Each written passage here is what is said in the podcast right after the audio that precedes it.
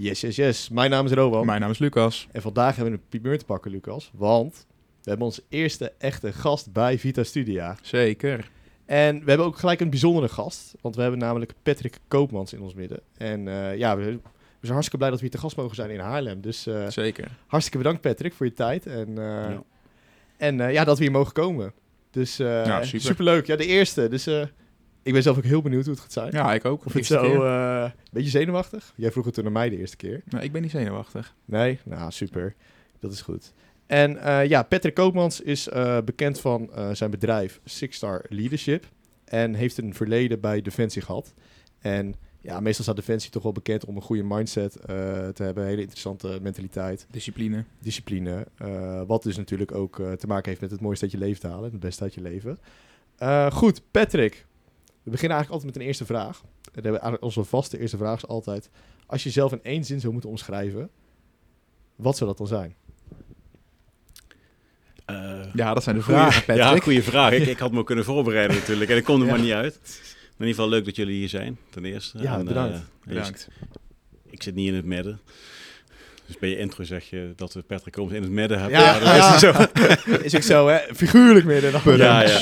Nee, even terugkomen op je vraag. Eh, nou, als ik mezelf in één zin mag omschrijven. eh, eh, rustige kerel met passie voor, voor zelfleiderschap, leiderschap. En iemand die graag alleen door het leven gaat. Omdat het leven meer is dan het aardse wat we met z'n allen hier ook beleven iedere dag. Maar tegelijkertijd ook heel erg bewust is van, eh, van samenwerken, samen zijn en alles wat er eh, om zich heen gebeurt. En eh, dat ben ik denk ik wel. Dat is iets meer als één zin, maar... Nou ja, Klinkt als muziek in de Ja. oren in ieder geval, eh, Patrick. Ja, dat klinkt wel goed. Want er Ja. zijn nog gelijk inderdaad verschillende elementen. Zelfleiderschap. Dat is iets waar wij het ook wel eens over hebben gehad. Ja, Al. nog niet echt ervaring mee hebben natuurlijk, maar het wel Maar ja- over gehad hebben inderdaad. Maar dat komt al wel, denk ik, ook vanuit Defensie. Is dat heel erg ontstaan. Het zelfleiderschap. Ja, dat Ja. Het, daar, het al- daar is het heel erg ontwikkeld. Ja, ik denk wel dat je bij Defensie... eh, ik heb dan van 97 tot 2008 eh, gediend, zoals wij, dat, eh, zoals wij dat zo mooi noemen. Mhm. En eh, nou, het wat mooi bij Defensie heb je ook als je dus eh, gewond raakt... of als je misschien in een brand wat brandwoorden krijgt... heb je zelfhulp, kameradenhulp, zo heet dat. Dus ZKH. En daar val ik dan wel eens op terug, omdat ja, je moet eerst voor jezelf zorgen... voordat je voor een ander kunt zorgen. Ja. En leiderschap begint dus ook bij jezelf. Eh, en dan is dat ZHKH, dat is zeg maar E EHBO, eh, EHBO voor militairen, komt er dan wel heel mooi op terug natuurlijk. Ehm, je kunt ook pas leiding geven aan een ander als je goed leiding kunt geven aan jezelf. Kijk, je leert bij Defensie ook als eerste van ja, zorg dat je je eigen shit op orde hebt. Als je je eigen schoenen niet netjes kunt bijhouden, kun je dan verwachten dat jouw eenheid het netjes doet.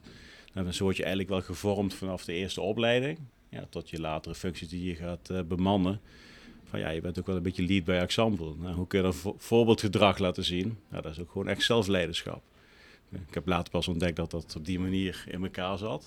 Mhm. Maar dat is wel de kern van, eh, van heel veel dingen wat mij betreft. Ja. Ja, want ze beginnen toch ook altijd dat je je bed moet opmaken bij Defensie. Tenminste, dat weet ik altijd een beetje van Jordan Peterson. eh et cetera. Ja, heeft het ja, ook heel erg over eerst je eigen bed opmaken. Echt wel een principe. En daarna pas... Maar werd dat ook heel letterlijk opgepakt bij Defensie? Dat je echt je bed en alles schoon moest hebben, je schoenen. Nou ja, kijk wel eens naar Kamp van Koningsbrugge. Dan zie je het ook dat het alles netjes zijn. Goed. Is ja, jij ook doelt echt- ook denk ik op dat filmpje van die, van die marinier die... eh, Ja, dus zo'n die- die- marinier is dat die die speech ja. geeft. Ja, ja. klopt. Nou, ja. kijk, wat, wat, wat het, het bed opmaken eh, is... eh, Kijk, je wil uiteindelijk leren dat je een bepaald ritme... en een bepaalde discipline... Ja. terug kunt vallen op bepaalde structuren. Dus je staat op, nou, wat ga je doen? Nou, de eerste tien dingen die je gaat doen, staan eigenlijk vast. En als je daarvan afwijkt, dan, ja, dan klopt het systeem niet meer. Nou, in dit geval is het dus een vrede situatie. Nou, zorg dat je bedje opgemaakt is, zorg dat je geschoren bent, je pakje netjes is. Heel ba- basic is dat, zeg maar. Ehm, nou, heb je daar al moeite mee? Dat kan, hè? Heel veel jongens en meiden hebben daar moeite mee. in ja, van onze leeftijd zeker. Nou, daar had ik ook moeite mee in het begin. Ja. Want dan moet je plotseling in één keer eh, mee gaan doen in een andere structuur. En dan leer je omgaan met verandering van gedrag. Kijk, en dan is zo'n bed opmaken is dan iets heel moois. De meeste eh, mensen maken hun bed in de ochtend niet op. En één keer moet je dat gaan doen. Dus dan wordt ook zichtbaar, nou, hoe ga jij om met iets wat plotseling binnen jouw structuur wordt, wat je voorheen niet deed. En nu wel van elkaar verwacht gaat worden. ja, verplicht zelfs eigenlijk, toch? Eh, bij Defensie ja, zelfs, ja, ja. ja.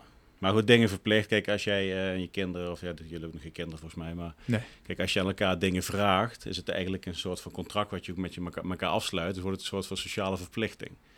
Ja, voordat we zover zijn dat iemand het ook gaat doen, ja, dan, dan moet er wel wat gebeuren. Ja. Kijk, en een bed opmaken is altijd wel een mooi voorbeeld ervan. Maar goed, de kleren in de kast moeten mesbreed zijn. Ja. We hebben een zakmes, moet je een zakmesje uitklappen. En dan mag het, de shirtjes moeten minimaal zo, ma- maximaal zo breed zijn. Oh, ja. Anders wordt alles eruit geplukt, moet je opnieuw beginnen. Ja, dus- Ja, dat, dat zie je ook wel eens. Ja, dan, ja, wij hebben natuurlijk een beeld van eh Kamp van Koningsbrugge. Ja, dat zul je vast ook wel eens gezien hebben. Maar Ja. is dat ook een beetje een realistisch beeld van... ehm, dat is natuurlijk van KCT was dat volgens mij aan mijn hoofd. Van het korpscommando. Ja, korpscommando-troepen inderdaad. Maar is dat een beetje een realistisch beeld over de hele opleiding... of de hele cultuur binnen Defensie? Of is dat echt wel een soort van uitvergroot? Nee, dat is wel Ja. realistisch hoor. Het is wel echt realistisch Ja, ook, ja. ja, dus. Dat, ze echt opnieuw moesten beginnen elke keer. Oké, ja, ja, goed. Dus, eh, ja, kijk, en het gaat er, kijk, de, de, de opdrachten bij de opleidingen bij Defensie zijn zo gemaakt dat je het net niet kunt halen. Dat is de bedoeling. ja. En dan ga je kapot. Het zou lullig zijn als je het wel haalt. Ja. Want je wil juist naar dat moment te groeien dat je eigenlijk een beetje mentaal een beetje klaar bent met degene die de opdrachten geeft. En je kunt alleen maar samenkomen om uiteindelijk die opdrachten wel te gaan halen door dus niet op de persoon te richten wie de opdracht geeft, maar samen te kijken wat er allemaal nog meer mogelijk is. Dus je wordt gedwongen om op zoek te gaan naar oplossingen. Eerst binnen jezelf. Hoe ga ik om met iemand die ik eh, steeds meer ga haten, maar mij toch steeds zegt opnieuw, opnieuw. Uiteindelijk zit de kracht in het team. En dat wordt je dus eigenlijk door die vorming ook gedaan. En dat zie je in Kamp van Koningsbrug natuurlijk heel, eh, heel mooi terugkomen.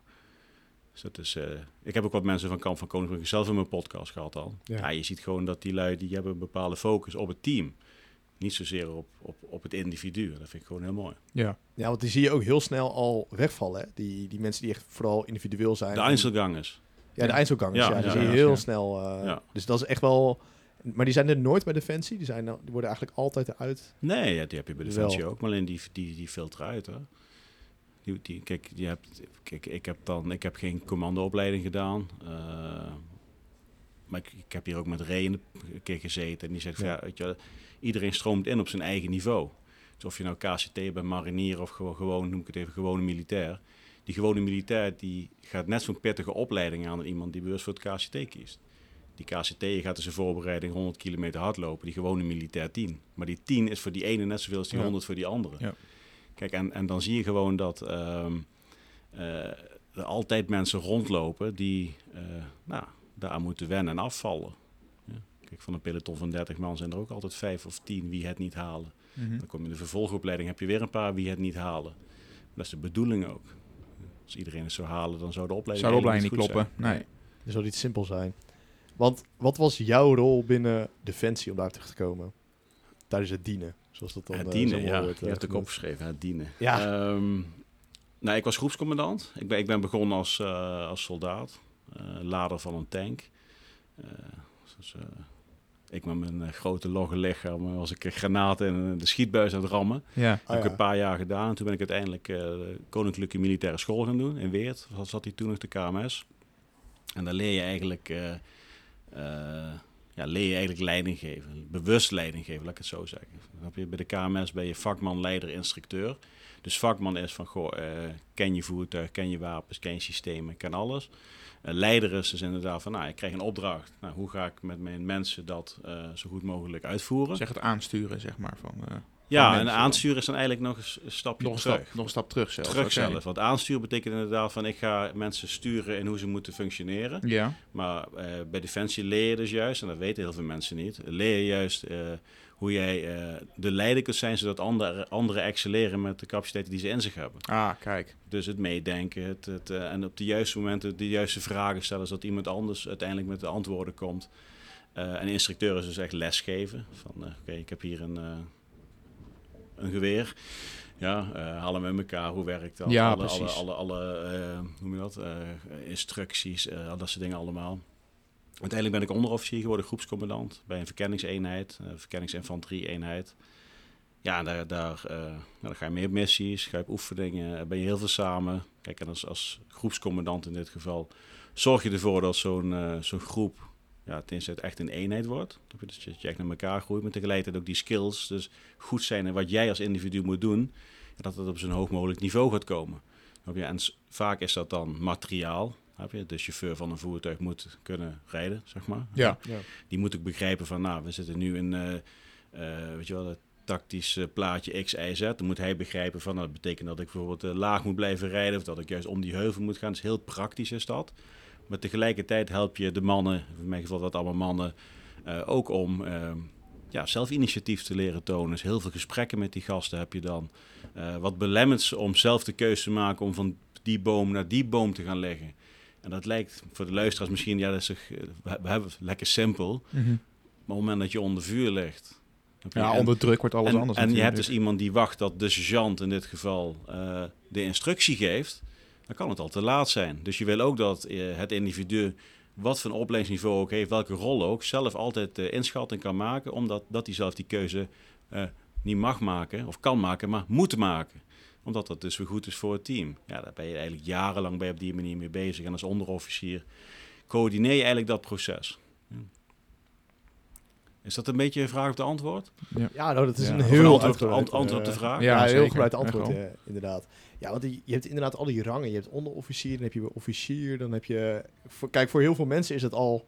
Tenminste, ik weet niet hoe het met jou zit, Lucas, maar Ja, niet, eh, niet heel bekend. Eh, ik, weet, ik weet echt dat het zoveel is, joh. Maar, ja, het is eh, echt... Heb ik heel veel militaire taal erin gegooid. Nee, nou goed, is, dat valt nog wel mee. ja, het maar, valt op zich nog wel mee, inderdaad. Maar toch, het is altijd... Het, het lijkt heel complex, dat hele, het hele systeem. Want uiteindelijk is het denk ik echt een soort top-down iets. Dat je... Nou, wat heb je, generaal? Ik ja, het is wel heel eh, hiërarchisch, toch, denk ik. nou, het begint bij de vlag. Hè? Het begint Ja. bij de vlag. Ja, daar begint het dan echt mee. Ja. Ja. Oh, die staat er echt boven. Dan heb je Ja. eronder heb je de... Ja, soms hangt hij op de kop, soms niet. Maar het Ja. gaat om de vlag. Deze tijd. de maarschalk. Maar als ik dan zeg, bijvoorbeeld de onderofficier, moet je het zo... Ik werk in een eh, productiehal, ik noem maar eventjes iets. En eh, nou, de onderofficier regelt een ploeg.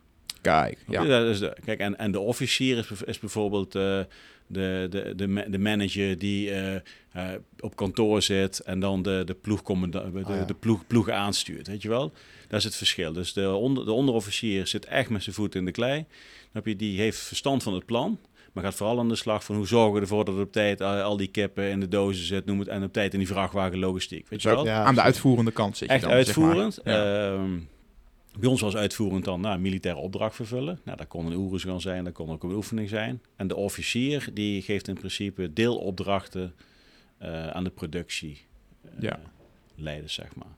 Dat is het grote verschil. Dus die staat, die staat niet aan de lopende band. Maar die groepscommandant, in dit geval eh, de onderofficier, nou, die, staat, die staat ook aan die lopende band. Ja. Want die laat aan de mannen zien en de vrouwen zien hoe je veilig moet werken. En eh, dat je je bril op moet hebben en je werkschoenen en op tijd bent en et cetera, et cetera. En die zet tijdig een stapje terug, zodat het daarna het loopt. En daar waar nodig grijpt hij in en werkt hij eventueel nieuwe mensen in. Dan is de officier er eigenlijk niet meer bij betrokken. Dus Dat, is, Oké. dat is eventjes een beetje beeld dan. Ja, precies. Dan heb je daar toch het, eh, toch het verschil in. Want hoe was die opleiding tot onderofficier? Want ik denk dat is best wel een verantwoordelijkheid. Ik bedoel, vanuit een officier dan, als je het zo zegt, zit je vanuit een soort kantoor.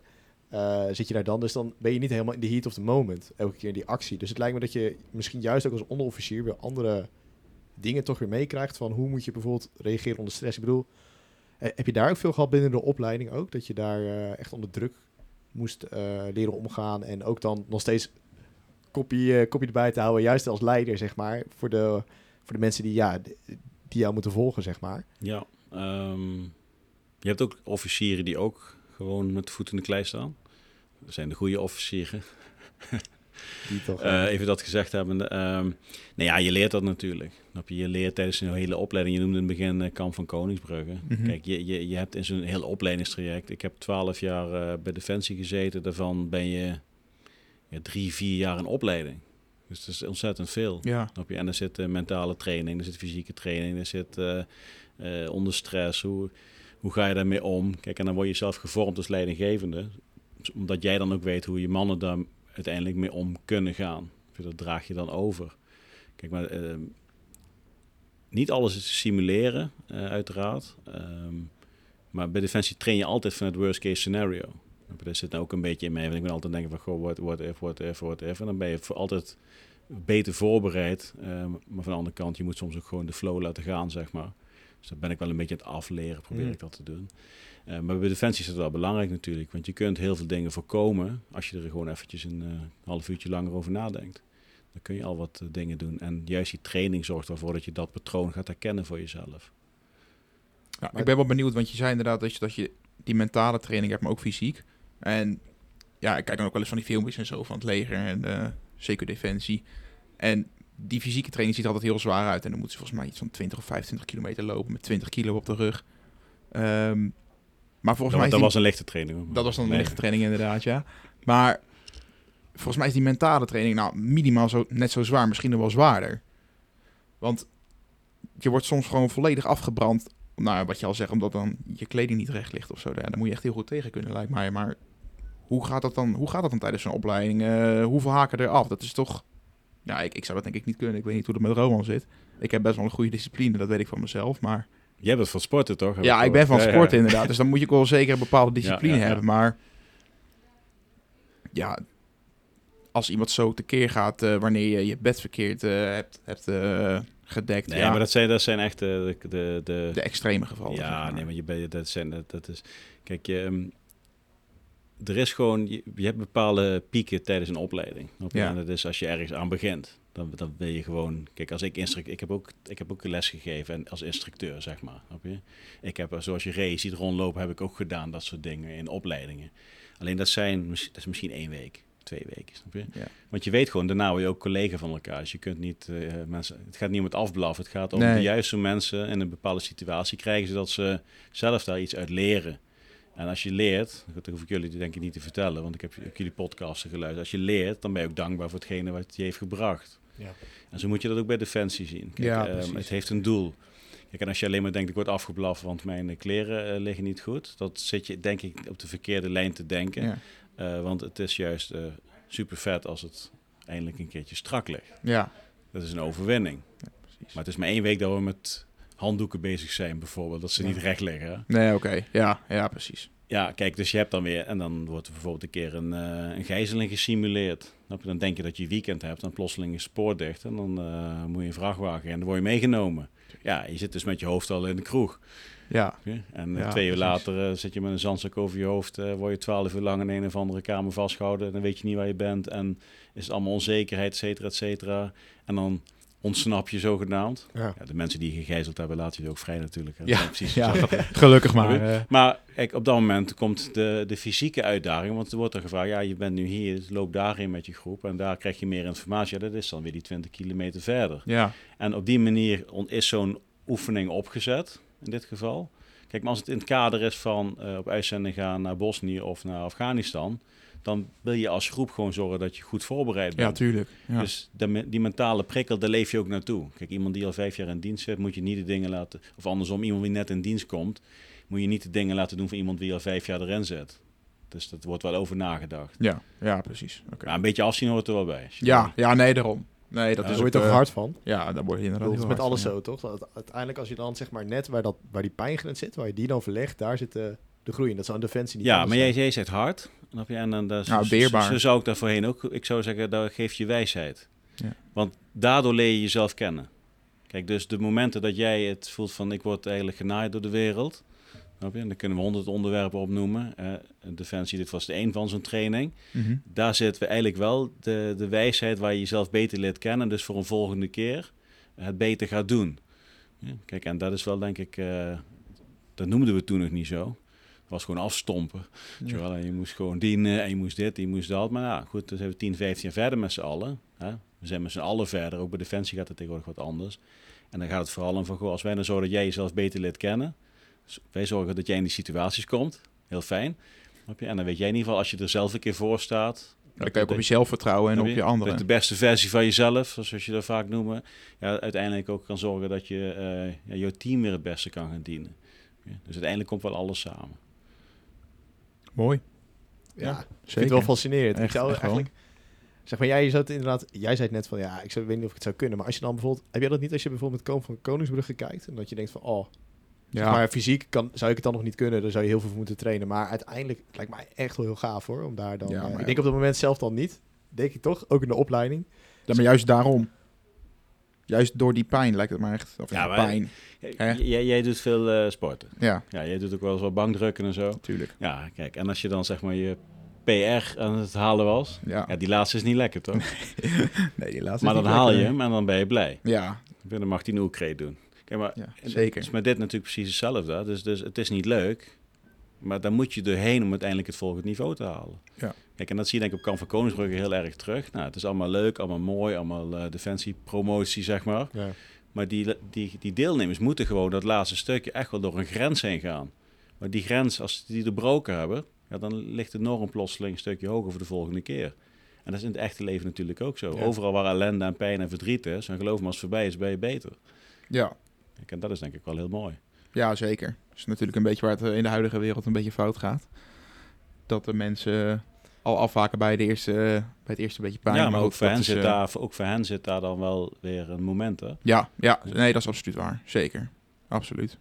Wat dat betreft zou misschien dienstplicht of zo zo wel... eh Ja, zou ik er ben daar voorstander ook van echt- zijn? Weer, Nee. eh, niet? Nee. Voor jongeren ook niet? Nee. Vanuit Defensie niet ook? eh, nee. Nee, nee, ik heb daar een keer wat over gezegd en ook over geschreven. Kijk, eh, ehm, ik, vind, ik vind één dat je eh, mensen... eh, als je mensen tegenwoordig iets verplicht, dan krijg je standaard weerstand. En volgens mij, eh, als jij eh, een apparaat als Defensie moet je op basis van eh waarden willen dienen. Nou, en kijk je in dit geval dan naar, ja, je hebt het over hoe het gaat in de wereld. Ik zou mijn kinderen niet laten dienen onder de huidige eh, gebeurtenissen in de wereld. Ja. Even als voorbeeld. Mhm. Eh, als zij er zelf voor kiezen omdat ze dus heel erg begaan zijn met alles wat er is en ze willen graag gaan, dan zal ik, zal ik het bevorderen. Ja? Maar ik denk niet dat we terug moeten naar een verplichte dienstplicht of zo.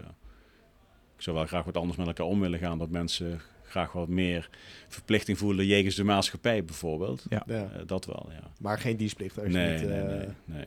Ook niet sowieso bij jongeren een beetje meer, een beetje meer eh, defensie eh, pit erin. Dat is bijvoorbeeld een verplicht schoolvak of eh, met gym. Dat is bijvoorbeeld een semester of weet ik veel wat. eh, Nou, ik- ja, nee, maar ik denk wel inderdaad, kijk, eh eh sporten, lichamelijke opvoeding, eh, weten wat er in de wereld gebeurt. Eh, maar goed, wie gaat het dan uitleggen? Ja, nou, de docent op school niet, kan ik je vertellen. Nee, Dat dus, is, dus, eh, want, want misschien heb jij in dit geval daar wel een andere kijk op en dan een ander heeft Ja. er geen kijk op. Dus dan moet er dus besloten worden hoe we onze tieners vormen. Ja, ik vind dat zo ouderwets. Ja. Dat bepaal ik zelf. Snap je? Ja. Dus, dus kijk, die tijd van vroeger, die is niet meer. En ik vind ook niet dat we nou terug moeten vallen op een systeem wat vroeger zo was, omdat we dan genoeg poppetjes hadden. Ja, eh, als jij niet wil, dan, eh, dan heb je toch ook niks aan zo'n persoon. Nee, er moet wel echt een innerlijke motivatie moeten bij zitten. Die Denk echt, ik wel, eh, echt een ja. passie. eh, Ja, vanuit de, vanuit de persoon zelf ook. Ja. ja. Ja. Maar hekel je dan niet bijvoorbeeld ook de, de Gen Z en de, de millennials, zeg maar een beetje onze generatie? Dat is toch wel een soort andere, ja, veel meer slachtofferschap, misschien toch wel iets meer en meer extern kijken in plaats van, waar je het over hebt, zelf leiderschap nemen, et cetera. Dat is bij ons toch een stuk minder in, in onze generatie. Is dat zo? Nou, tenminste, ik merk dat wel. Ik weet niet of jij dat hebt, Lucas. ja, maar, ja, en, Maar heb jij dat zelf? Nou ja, soms zoek je nog wel even extern ergens excuses, et cetera. Maar nou, ik denk niet dat ik heel snel inderdaad in een slachtoffer iets... eh, omdat, ik dat, omdat ik het zelf heel erg hekel als andere mensen het doen. Dus dan inderdaad bij jezelf en dan... Ja. Soms schiet je er ergens Dus onderbewust. het gaat om erin. Het gaat om handelen. Ja, ja, om anderen. om anderen. Ja, Ja. ja, ja. Snap ik heen wil? Ja, het gaat om anderen. Ja. Dus ergens zo... Ja, eh, ja. Nee, maar, nee, maar kijk, ik denk, ik denk dat er eh, eh, altijd mensen zijn geweest die, die het buiten zichzelf zoeken. Eh, en ik, ik moet heel eerlijk zeggen, ik, ik zie juist in de huidige generaties dat die juist wel verder kijken dan hun neus lang is. Oké. En, en niet volgzaam het eh, zoals het was. Mijn ouders deden dat ook zo. Ik zie daar juist een hele positieve verandering in. Oké. Kijk, en dat dat eh, uiteindelijk met de huidige manier van leven, eh, eh, wie is zoals hij is, dat dat clasht. En dat de wat conservatieve persoon dan naar de jongeren kijkt en denkt van aan hun hebben we niks. Ja, vanuit jouw perspectief, hoe jij denkt dat de wereld moet zijn, heb je er niks aan. Ja, precies. Dat snap ik. Maar ik ben heel blij dat er tegenwoordig steeds meer mensen zijn die zelf eens een keer drie keer een vraag stellen voordat ze ergens in meegaan. Ja, nou, dat zijn, 100%. Maar toch zie ik dat niet helemaal hoor. Ik zit dan eh, op politicologie aan de VU, maar daar is eigenlijk alles wat ze gewoon zeggen, dat nemen ze maar gelijk voor waarheid aan.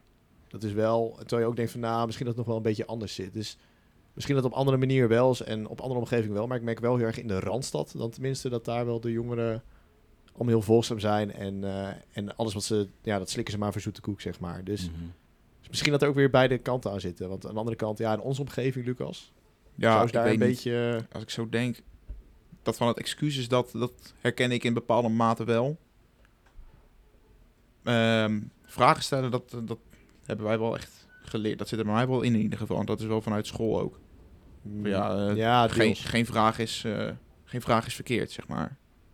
Maar ik denk toch ook wel een stuk, ehm, ja, hoe zeg je dat, eh, respect naar gezag Dat, dat ontbreekt wel heel erg, toch? Of, of zie je dat ook anders? Bij jongeren, dat dat... Ehm, nee, ik vind, maar wat bedoel je met gezag? Ja, Ja, gezag docent. Ouders, docenten. Docenten, ouders, ja. Ja, Ja, maar ik vind, ik vind dat juist, kijk, ehm, ehm, ik heb, eh, ik voel mezelf verbonden met personen eh, die iets, eh, eh, in mijn ogen, waar, wat ik fijn vind. Of die, waar, waar die voor mij wa- waardevol zijn om daar tijd mee door te brengen of wat dan ook. Niet omdat ze een rol hebben. Kijk, en gezag klinkt voor mij ook nog heel ouderwets. Ja. Je? Dus, dus ik, ik neem dingen aan van, eh, terug naar Defensie, ik neem dingen aan van, eh, ik heb zelf natuurlijk ook commandanten gehad. Ik neem dingen aan van commandanten die op basis van verbinding mij iets laten zien waar ik achter sta. Ja. En dan ga ik dat kopiëren of ik ga daar iets zelf van vinden en dan ga je een bepaalde vormingstraject in. Ik ga niet mensen eh, volgen omdat ze dus op basis van een bepaalde rolfunctie, rang, gezag hebben. Dat is voor mij ook passé. Ja? En dat Ja, zie je ook in, snap wat ik bedoel? Ja, dat zie, ja, dat, Ja, dat zie je dan wel weer, ja. Dat zie je wel heel erg, ja. Ja. Dat zie je echt op school ook veranderen. Kijk, binnen Defensie heb je nog, en dat is wel leuk nu, ik zit natuurlijk nog met half been in Defensie en half been niet, eh, omdat ik natuurlijk heel veel contacten heb. Ja, ja, Eh, natuurlijk. nou, je ziet gewoon eh, een hele grote groep eh, binnen Defensie eh, is nog zoals Defensie is. Snap je? Ja, het ouderwetse, zeg Ja, maar. eh, is de wet en eh, de wet is ook goed. Hè? Wet moeten volgen, maar de wet en eh, ja, wij, wij dienen het land en noem het allemaal maar op, is prima. Mhm.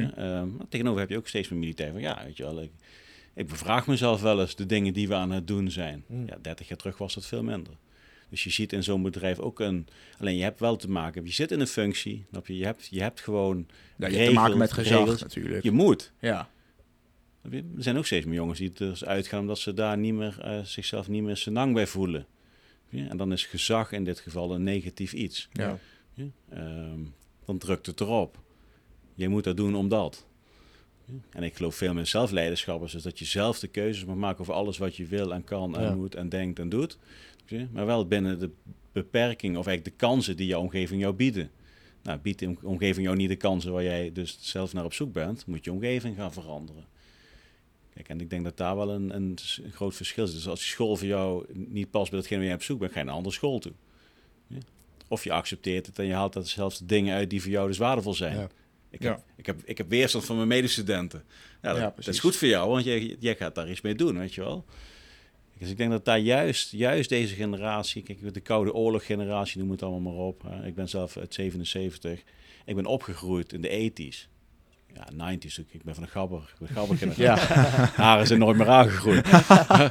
maar kijk, wij, wij waren natuurlijk... eh, eh, ja, die feesten was natuurlijk een, een uiting van een on- ontsnapping uit het hedendaagse leven. Ja, langzaamaan is natuurlijk de, de maatschappij ingecijpeld. En jullie zijn weer een, een, een product, wou ik zeggen. Maar jullie zijn uiteindelijk een, een resultaat van een steeds verder versnipperende maatschappij... met veel meer kansen om je eigen mening te ventileren, te ondernemen en te doen. Ja, ik vind dat heel mooi. Ja, Maar- ja, eens. Maar gezag, centraal gezag, ja, die vindt dat lastig. Dus die geven dan ook stempels. Ja, we moesten dienstplicht gaan doen. Ze hebben Ja. geen discipline meer. Ja, deze hebben andere discipline. Het is niet meer zoals jullie ideaalbeeld van, eh, van de maatschappij is inderdaad. Wat zij, inderdaad de centrale gezag, of noem het maar iets, zeg maar, Ja. dat die, ze zien het steeds meer die macht uit handen glippen. en Tuurlijk, zo, ja. ja. Ja, kijk, want gezag is gekoppeld aan macht. En macht is gekoppeld aan het halen van resultaten. Dat is oud leiderschap voor mij. hè. Oud leiderschap, nieuw leiderschap ook zo mooi. is. eh, heeft ook allemaal posters gestaan. Maar kijk, toen ik net een, toen ik een jonge commandant was, eh, voor mijn groep, 10, 15 man, eh, was ik in het begin heel erg op de macht. Ik zit hogere rang. Wij, ik moet zorgen dat wij die opdracht halen. Als jullie nou goed doen wat ik zeg, dan komen we er wel. En je doet het omdat ik het zeg. Ja, ja, je komt er ook wel, maar het is zo vermoeiend. En je ziet je Ja. mannen niet groeien. Dus langzaam kom je erachter van ja, je moet het eigenlijk andersom gaan draaien. Hoe kun je vanuit de samenwerking, zoals dat iedereen zelfleiderschap vertoont, tot het maximale resultaat komen. En dat zie je nu ook op straat steeds meer ontstaan. Mensen distancieren zich van de grote onderwerpen en gaan zelfleiderschap vertonen. Vinden de mensen wie daarop aansluiten, en dan krijg je nieuwe gemeenschappen. En die gemeenschappen worden dusdanig groot dat ze weerstand gaan bieden op het huidige gezag. Wat dat dan ook is. Dat kan een voetbalclub zijn, dat kan regerings, dat kan van alles zijn. Ja, En dan zet je dus eigenlijk door middel van die kracht van die nieuwe gemeenschap, zet je eigenlijk het oude gezag in het licht. Ja, dat willen ze niet. Want dan gaan we dingen zien. Dat steeds meer mensen dat eigenlijk ja, wel bijzonder vinden. Ja. En ik zie daar meer zo'n zo'n zo'n beweging op dit moment. Ja. En dat is wel echt wel ontstaan ook vanuit mijn diensttijd. ja, ik, ik heb ook het andere gezien, zeg maar. Het hele strakke, et cetera, et cetera. Ja. Ja, want Afghanistan bijvoorbeeld, dat is echt één groot strak eh, regime. Ja, nu natuurlijk helemaal weer met de Taliban, die daar nu weer... eh, je hoort er niet zoveel meer van trouwens. Zit ik me nu net te bedenken. Nee, dat, eh, Ja, het gaat niet goed daar. Het gaat niet goed, hè, daar. Maar dat was toen destijds ook al niet. Maar daar is niet veel veranderd dan, denk ik. Of wel? Nee. Al die interventies. Maar en, kijk, wat, eh, wat ik me dan afvraag is... Jullie zijn in Afghanistan geweest. Jij hebt daar dingen gezien... Nou, die het daglicht waarschijnlijk niet kunnen verdragen. Ehm, voel jij dan niet dat je daar een beetje voor niks naartoe mee gaat? Want je hebt op dat moment die mensen wel kunnen helpen. Maar momenteel is het eigenlijk net zo'n grote bende als het ware... als, als dat het was voordat jullie er waren. Ik, ik, kan wel, ik zou er wel een beetje pissig om worden, denk ik. Ik heb ook meerdere veteranen erover gehoord. Ik heb volgens mij een veteraan erover gehoord... die die gaf bij de NOS een interview en die zei ook van ja, ik heb gewoon kameraden zien sterven daar, zeg maar. Of, of een, een zwaar ongeluk, omdat iemand op een mijn ging staan. En dat is dan eigenlijk nu voor, voor niks geweest, omdat, eh, omdat het nu eigenlijk weer, ja, je bent gewoon terug bij af in principe. Hoe, hoe kijk je daarnaar? Daar ben ik wel benieuwd naar. Ehm, nou, ik heb zelf wel ook een heftige tijd gehad daar. Ja, Twee collega's verloren, eh, letterlijk eh, beschoten en blij dat ik zelf hier ook nog zit. Ehm, en natuurlijk heb ik die vraag ook aan mezelf gesteld. Dus Mhm. Zeker in die tijd toen Afghanistan net viel, zeg maar. Toen iedereen zich terugtrok in één keer. Eh, maar ik heb op een gegeven moment wel gezegd van ja, al die jongens en meiden die daar zijn geweest, hebben wel heel veel, eh, ja, al- alles waar we zojuist over spraken, die 15 minuten, is wel een, ook een resultaat van datgene wat ik daar heb meegemaakt. ja. De inzichten, de manier van denken, de manier van doen. ehm, de verhalen. Je kun je doorgeven, je kunt daar heel veel van leren. Nou, als al die honderdduizenden militairen die er zijn geweest, allemaal een stukje meenemen naar zeg maar, een- het groeipad dat we met z'n allen hier nog voor ons hebben, vind ik het al dat we er iets aan hebben gehad. Ja, maar dan kijk je dus echt meer naar wat, wat, wat je er zelf aan hebt gehad. En Dat wat, was de vraag. ja, ja, precies. Oké. Dus, dus Nee. vind, ik, vind ik het dan, is het voor niks geweest? Nou nee, als je hem omdraait, heeft zeg maar de pijn daar eh, uiteindelijk wel voor gezorgd dat we hier heel veel eh, mooie dingen aan doen zijn met z'n allen. Ja? Ik ben een podcast begonnen, mijn eigen bedrijf, noem het dan maar op. Zo zijn er tientallen mensen die daar nu iets mee doen. Ja, voor die mensen zelf daar is het natuurlijk gewoon eh, heel triest. ja, ja, precies. Eh, en ik heb natuurlijk, stel even weer een vraag van dienstplicht, daarop terug te pakken. Ehm, ja, ik. Nu, nu terugdenkend aan die missie, hoe het ontstaan is, hoe het allemaal met de politiek eromheen, met bepaalde partijen die alleen maar weerstand hebben ge- geboden, zitten bieden. Ehm, wij, wij kregen onze kisten in het uitzendgebied pas. Daarvoor waren ze niet ter beschikking. Op het laatste moment hebben we het nog geld losgepeuterd, weet je wel. Dat was in 2007. Ja, ik denk van ja, dat is natuurlijk gewoon hartstikke slecht geweest. Terwijl heel veel dingen heel goed geregeld waren. Heel goed opgeleid, top-eenheid, we hadden goede spullen. Mhm. Alleen het was allemaal net niet. Ja. En je bent, je, dan ben je 10, 15 jaar eh, ouder. Hè? Ja, een stukje wijzer. En dan denk je nog wel eens, denk ik, jezus, weet je wel. Dat ik daar toen nooit eh, zo over na heb gedacht. Je deed gewoon klakkeloos. Ja, Je passie voor de baan, weet je wel. Kijk, en eh, ik denk wel dat over de rug om van landen, ja, zie je op dit moment ook in Oekraïne bijvoorbeeld, over de rug van landen worden er gewoon conflicten uitgevochten. Ja. En Afghanistan is, er- is er daar eentje van. Kijk, en eh, in die zin hebben we er weinig aan gehad. nee, precies. Maar persoonlijk wel. Nou, dat is ook Toch? heel mooi. Ja, maar ook, ook dus weer eh, de- wij als land natuurlijk. Ja. Kijk, dus als ik, eh, al is het maar één persoon per jaar, iets kan bijbrengen over leiderschap omdat ik iets heb meegemaakt in Afghanistan, dan heeft zich dat al terugbetaald. Ja, zo zijn er heel veel Patricks die dat doen. En op die Ja, precies. zorg je natuurlijk voor dat Kan je wel een hele mooie ervaring eh, in het leiderschap in, in Nederland kunt krijgen. Eh, ik denk dat, dat door dankzij Defensie en de uitzendingen eh leidinggeven in Nederland een stukje sterker zou kunnen zijn geworden, denk ik wel, dat we dat doen op dit moment. Maar dat is, dat, dat natuurlijk los van Afghanistan, maar dat is wel wat het ook een resultant is. Ja, natuurlijk. Ja, die lessen die daaruit getrokken zijn, die neem jij gewoon mee. Ja, maar Ja. dat er 100 eh, biljoen eh, in het land gepompt is en dat er nou nog steeds dat de Taliban gewoon met de stok aan het slaan is. Ja. Ja, dat is natuurlijk gewoon heel, eh, Dat is bizar dat is triest en dat is natuurlijk gewoon heel kansloos. Ja. dat is, eh, Dat is toch gek inderdaad, met al die eh, slachtoffers inderdaad die ook gevallen zijn, dat je dan dat het toch ziet. ja. Het is eh, ja, verdrietig eigenlijk ook altijd wel. Want dat, dat zul je echt ook heel veel, heel veel tegenslagen slash verdrietige momenten hebben.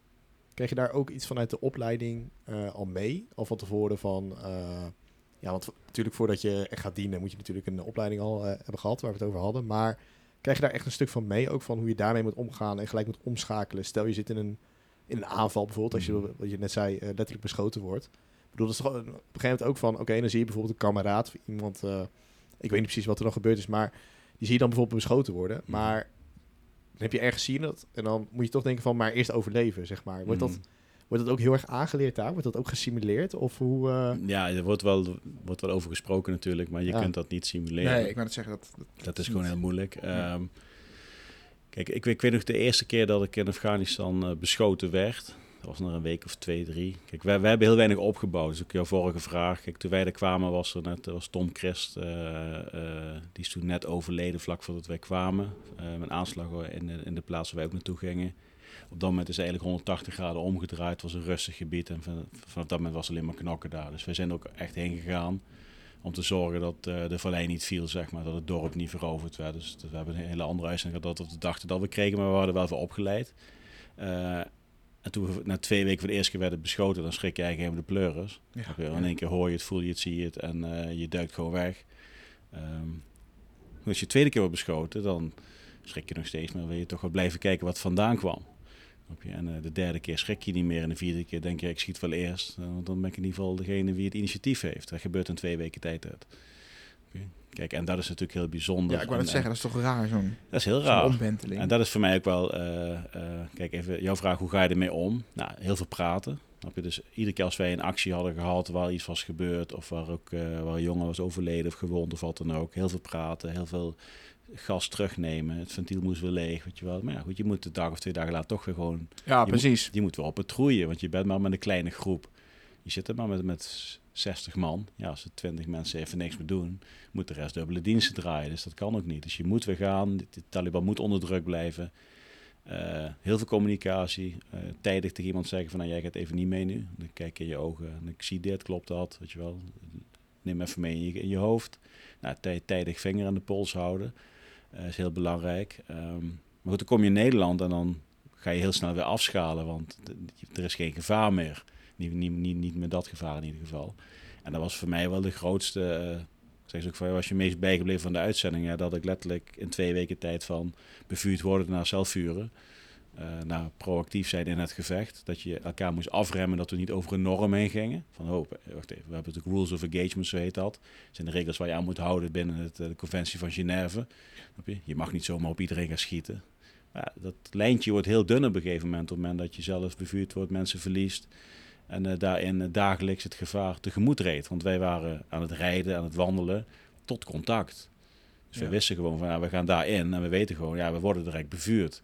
Ja, je kunt je voorstellen dat het mentaal best wel wat met je doet. Dus Ja, je wordt scherper, scherper, scherper, scherper om risico te voorkomen. Maar ja, je moet niet over het randje gaan, want voor je het weet zit je bij, eh, in Arnhem op, bij de rechtbank, bij wijze van spreken, weet je wel.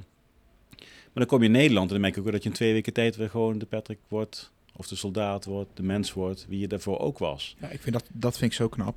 Ja, maar dat is heel bizar, hè? Het, Ja. maar het, het meest bizarre is dus, en het is voor mij ook al die lui die allemaal roepen hoe het moet in de wereld, dat ze allemaal raar zijn en hoe ze zich gedragen en dat het allemaal tuig is, noem het allemaal maar op. Ja, ga dan maar eens twee weken zitten. Ja. Of dat nou in een wijk is in Nederland waar het leven net wat anders eruit ziet dan in Wassenaar, of noem maar eventjes iets. Of een land waarin ze geen water hebben. Of ga daar maar eens twee weken zitten. En ga dan nog eens een keer je woorden herhalen die je zei over iemand die met een bootje de Middellandse Zee over willen komen. Of iemand die eh, een gezin eh, doodschoot om zijn eigen gezin te redden. Ik keur het allemaal niet goed. Maar als je in zo'n omgeving bent, echt een paar weken tijd, je neemt alles over. Ik heb het ondervonden. We hebben het ondervonden met elkaar. Kijk, en dat wetende, weet je gewoon hoe, hoe belangrijk omgeving is voor elkaar. Voor jezelf vooral. Want voordat je het weet, je loopt gewoon een buks rond en je gaat gewoon oorlog voeren. Ja, als dat jouw omgeving is. Kijk, Taliban, die kinderen, ja, die worden geboren in zo'n land. Die zien, eh, die zien dat gebeuren. Die zien de Amerikanen rondrijden. Die zien een bom ontploffen. Ja, daar groeien hun in op. Ja, ik weet wel wat hun gaan doen om te zorgen dat ze moeten overleven. Kalashnikov kopen en meedoen. Ja, Ja. natuurlijk. Die weten niet beter. Nee. En dan kunnen wij wel wijzen, die baatmensen met die tulbanden en eh, allemaal bermbommen. Ja, is ook heel slecht, zeg maar, tussen haakjes slecht. Maar voor hen is dat de wereld. Ja, Dat is wel. gewoon hun cultuur ook, Ja. zeg maar. dat is Ja. gewoon zo, ja. Ja. Ja, dus vingerwijzen naar iets waar je zelf nooit bent geweest, langer dan eh, een halve dag om een foto te maken, is heel makkelijk. Ja, daar zijn we zelf natuurlijk ook heel goed in. En vooral het Westen. Ik bedoel, Amerika die wijst ook heel erg natuurlijk naar en dat is slecht en dat is slecht. Maar als je even kijkt wat Amerika zelf allemaal in het buitenland heeft gedaan. Ja. Ja, en je ziet het overal. Ja. Maar dat zie je ook kleinschalig. Dat zie je in Nederland, dat zie je overal. Ja, Kijk, en dat was voor mij wel in Afghanistan wel... eh, dit kun je niet trainen. Eh, maar ik kan nou wel dit mee doorgeven, weet je wel? Dus van jongens, let op. Eh, Als je dus naar zo'n gebied gaat, eh, weet... Of als jij dus in een omgeving komt waarin jij heel extreme dingen mee gaat maken... Weet dat jij dat gedrag over gaat nemen. Nou, nu je dat weet, kun je er ook over nadenken wat je moet gaan doen als je het ziet bij elkaar. ja. Ja, wij wisten dat helemaal niet. We we hebben dat allemaal zelf uitgevonden. Maar ik vind het ook zo knap. Jij zegt net dat je dan, als je dan terugkwam in Nederland, dat je dan eigenlijk gewoon weer jezelf was, zeg maar. Maar je hoort ook best wel veel verhalen over ben je mensen die altijd jezelf. Ja, tuurlijk. Ja. Ja. Maar Maar- je gedraag je toch anders daar dan. Zoals je net, eh, net, zoals je net aangaf. En als je dan terugkomt in Nederland. Jij zei zelf van, nou, ik ben gewoon in principe na twee weken dan zakt het allemaal weer een beetje af. Maar er zijn ook jongens die het wel meenemen, toch? Mhm. In de vorm van PTSS of Ja, wat dan ook. En nou ja, dat is. Ja, ja, dat, dat is toch... Heb je, heb je dat ook gezien? Of? ja zeker. Nee, ik ken heel veel jongens die daar heel veel problemen mee hebben gehad. Kijk, en eh, nog steeds daar problemen mee hebben, zo'n Ja. 15 jaar later. Ja, ik kan Kijk, zeggen, dat, gaat ook niet zomaar weg. eh. Dat is heel triest. Kijk, maar ik kan wel zeggen dat... eh, kijk, de uitzonderingen hoor je natuurlijk altijd in de krant. Of lees je in de krant. Ja. Ehm, maar Nederland heeft het wel heel goed voor elkaar in veteranenbegeleiding. Dat mag ook best gezegd worden. Het is echt wel goed geregeld hier. Je kunt bij veel loketten noemen ze dat dan terecht. Er is overal wel een potje om mensen te ondersteunen. Ehm, alleen een laagje dieper is ook wel belangrijk dan. Je kunt voor iedere VT veteraan met PTSS wel vrachtwagenchauffeur maken en hem ondersteuning bieden via een psycholoog. Heel goed. Vinger aan de pols houden. Kijk, maar uiteindelijk eh, zijn dat trauma's eh, die ook weer een kracht kunnen zijn voor een persoon. Ja, oh, dat is mooi. Kijk, en uh, maar het is diep triest natuurlijk. Ja. Ja, in Amerika hoor je nog wel eens van die verhalen. Ja, dat is natuurlijk weer een ander land dan Nederland. Wat, wat je zegt, dat je, het zal hier wel goed geregeld zijn. Maar in Amerika worden ze gewoon soms wel aan het aan Ja, hele nee, boel goed, maar ik- overgelaten. ik- en dan, Ik ken ook iemand die, eh, die ken ik heel goed. We waren een maand terug eh, in Nederland. En dan rijden we op de A2 bij, eh, bij Best. Ik weet niet of je dat weet. Die McDonald's met die, George, Ma- oh nee, maar Michael Jackson staat. Die ja, grote ja, pop. ja, ja, ja, ja, ja, zeker. Nou, joh, hij, hij- was op weg naar de kazerne en er zit iemand zit dus achter hem te drukken met, eh, met, met lampen dat hij in de kant moet. Ja, hij stopt gewoon midden op de snelweg en hij gaat die kerel terug, weet je wel. Maar dat, dat is dus een, een, echt een, ja, een, een kortsluiting in het hoofd, omdat het gewoon niet matcht. Snap je? De persoon matcht niet met de omgeving waar hij op dat moment is. En dan eh, krijg je dit soort gekke dingen. Zo'n kortsluiting. eh. Ja, en in Amerika loopt iedereen met een, eh, met een automatisch wapen rond. Ja, Ja, dat Ja. is dus, dus kijk, de, de reactie eh, van de veteraan is hetzelfde. Eh, alleen daar stapt hij uit en dan zegt hij tegen iemand dat hij zijn gemak moet houden. En in Amerika lopen ze winkelcentrum in. tjoh, Kijk, en dat is wel triest natuurlijk. Ja. Gewoon geen oorlog voeren, dan is het allemaal voorbij, toch? ja, als het allemaal zo makkelijk was. Dan. Tjonge, jongen. Ja, ik vind het wel altijd bizar, dat soort verhalen, man. Ja, inderdaad. Echt Maar je hebt ook wel, altijd zo'n eh, zo'n stigma rond PTSS en zo. Want meestal hoor je inderdaad heel erg van... eh, nou goed, eh, je kiest er zelf voor, dus dan moet je ook de, de consequenties dragen. Zeg maar. Maar ik heb al wel het idee dat daar nooit echt een, iets tegen gebe- gebeurt, zeg maar. Het zijn altijd een beetje vooroordelen van mensen, veteranen, PTSS. Ah ja, die zijn gewoon... Beetje, zeg maar, van ja, die ging, het kruipen ook in een soort slachtofferrol, zeg maar. Dat, ja, De, de veteraan zelf bedoel je? ja, de veteraan, omdat ze dan, ja, ze kiezen er zelf voor, maar dan zijn ze uiteindelijk zielig. Of. Tenminste, dat merk ik wel heel erg. Dat, dat, Ja, die zullen er ook zijn. Ja, die zullen er ook zijn. Maar dat stigma, Ja. dat overheerst wel. Maar dat is meestal onterecht, toch? Nee, maar ja, wie staat op de voorpagina van de Telegraaf? Dat is die, die dakloze veteraan die eh, zielig is. Ja. Ik noem maar even iets. Maar die honderdduizend andere veteranen die hard aan het werken zijn om te zorgen dat ze mee kunnen blijven draaien in de maatschappij en hebben gediend en echt wel eens mee hebben gemaakt, ja, die hebben geen mediawaarde. Media, mooi voor. eh, Maar Ja. zo wordt het natuurlijk ook gewoon eh, weggezet. Kijk, en wat krijg je dan op het moment dat dan die ene persoon een platform krijgt? Eh, ja, dan zijn er nog tien die zich daarin herkennen en die gaan dan waarschijnlijk daarin mee met zo'n verhaal. En voordat je het weet is er een nieuw veteranenverhaal. Ik denk dat je dan heel veel veteranen gewoon tekort doet, want de meeste veteranen die eh, doen prima mee in het leven, zal ik maar Ja. zeggen. Precies, maar het zijn altijd kleine minderheid die altijd uitvergroot wordt. Ja, maar er Ja. zijn ook eh, mensen die zeg maar traumatische stress hebben ondervonden die geen veteraan zijn. Dus een deel van de militairen heeft gewoon ook gewoon iets. Ik bedoel, laatst was er toch iemand, was een kindje was doodgestoken volgens mij. Er zat Ja. bij een militair. Ja, boeien. Dat zat ook niet bij als loodgieter is, weet je wel. Ja, Dat- ik, ik vind dat ook Het is gewoon zijn, man. zijn werk, weet je wel. Maar er wordt dus van uitgegaan dat als de militairen doen, dat het, dat het schijnbaar dan noemenswaardig Ja. is. Mm. Dus Ja, militairen steken hun kinderen dood, weet je wel. Voordat je het weet, gaat het niet goed met de Nederlandse militair. En hoe komt het dan? Ja, dan komt dat er, weet ik veel wat. De stress dat we misschien naar Oekraïne moeten vatten ook. Ja, dat is helemaal niet zo, maar dat wordt dan op die manier weer Ja. eh, groot gemaakt. Dus klein denken, ja, er zijn veteranen die het lastig hebben, maar de meeste niet. Zoals elke Nederlander, weet je wel. Ja. En dat er bijzondere dingen gedaan zijn, ja, 100%. Maar er zijn er heel veel mensen die bijzondere dingen doen op hun eigen manier. Ja. En, eh, ja. Ik vind het wel mooi hoe nuchter jij eh, daarnaar kijkt, zeg maar. Want je hebt natuurlijk echt, dat is in Nederland heel erg met die media, hè, dat alles wordt uitvergroot om het verhaal, uiteindelijk. Ja, en- kliks. Ja. ja, maar dat is uiteindelijk wel hoe het werkt. En eh, de media die moet natuurlijk ook rondkomen van zijn van sponsoring en, eh, en, en van kliks uiteindelijk. Ja. En overheidsgeld, maar goed, dat even terzijde. Nee, als niemand het leest, dan is het geen nieuws. Nee, nee, en- precies. En Kijk, maar dat is natuurlijk ook met, met alles zo in, in alle communicatie. Kijk, je wil eh in 9 van de 10 keer eh, doe je iets omdat je dingen in beweging wil zetten. Nou, dan kun je heel rustig dingen zeggen en niemand hoort het. Of je moet even net wat andere woorden gebruiken en dan krijg je dingen voor elkaar. Ja. Ja, de mensen die daar heel goed in zijn, eh, op een eh, goede manier noem ik me eventjes, die zijn eh, eh, succesvol met de dingen die ze doen. Of dat nou op, op sociaal, maatschappelijk werk, eh, met gezin, noem het allemaal maar op. Mhm. Maar je hebt ook de roeptoeters, zeg maar. Ja, die gaan over een grens heen. Die moeten zichzelf accelereren. Ben jij dat? Of? Nee, een ik zit even te kijken wat er... Nee, ik heb op vliegtuigstand staan, dus... Ja. Ja. Ik zit ondertussen wat te trillen, ik weet niet Ja. wat... Oh, hier. Wacht Oh, even. ja, ja, Wordt er even iemand geweld. We zetten hem even op.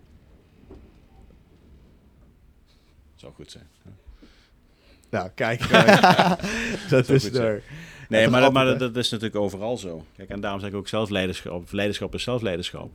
Dat betekent dus dat je gewoon dat het bij jou moet matchen. Je moet het niet doen om anderen zeg maar, daarin eh, te bereiken. En dan kun je inderdaad alles heel rustig en nuchter bekijken. Ik wil niet zeggen dat je er niet iets van vindt, weet je wel. Dat is wat anders. Mooi, zeker. Ja, Lucas, er zijn eigenlijk al wel veel, eh, veel dingen nu kunnen leren. Ja, ik vind het toch altijd fascinerend, veteranen of zo. Ze hebben altijd iets, iets Ken speciaals. ken je veteraan? Ja, Nou ja. los van mij dan. Maar. Ja, los van mij, ja, ik heb er wel eens volgens mij eentje gesproken. En mijn opa was dan, eh, ja, die is dan nu helaas overleden al een paar jaar. Maar die was, eh, heeft vroeger ook gediend, volgens mij in de Korea-oorlog. Dus, dat is helemaal niet zo. Nee, dat weet je ook niet, eh, inderdaad. Maar die heeft dat inderdaad ook gedaan. En die, daar heb ik toen ook al wel veel van, inderdaad van meegekregen. En eh, dat zijpt dan ook weer een beetje door in de opvoeding. Maar daar ben ik eigenlijk ook wel benieuwd naar. Hoe, hoe met defensie en met opvoeding, met, met, met jouw kinderen, zeg maar. Je hebt een aantal kinderen. Wa- Waar zijpelt dat uit? Zeg maar, dat je wel ziet van een bepaalde defensiementaliteit, inderdaad zelfleiderschap. Misschien de zelfleiderschap eh, mindset. Maar zie je dat ook echt weer terug in de opvoeding en, en op welke manier?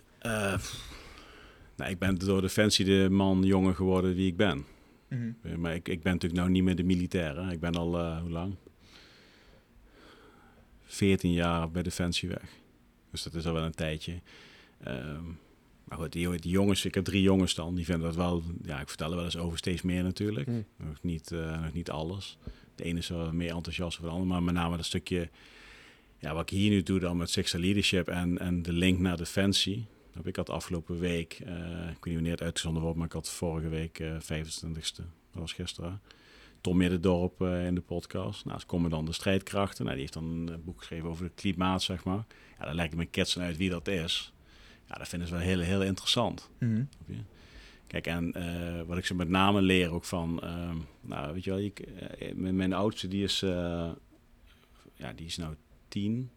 Die gaat naar onder de 13 met voetballen, is aanvoerder, weet je wel. En nou, zie ik hem soms ook wel eens een beetje, een beetje boos tegen zijn medespelers, weet je wel. Zeg ik, van, ja, zeg, als je aanvoerder bent, is het voorbeeld geven, werkt beter voor het team dan dat jij ze gaat vertellen wat ze moeten doen. Ja, en dat kun je dan heel rustig vertellen aan ze en dan, ja, dat, dat, dat pakt die wel, weet je wel. Ja, precies. Kijk, maar ik heb in mijn, mijn, mijn leven heb ik, eh,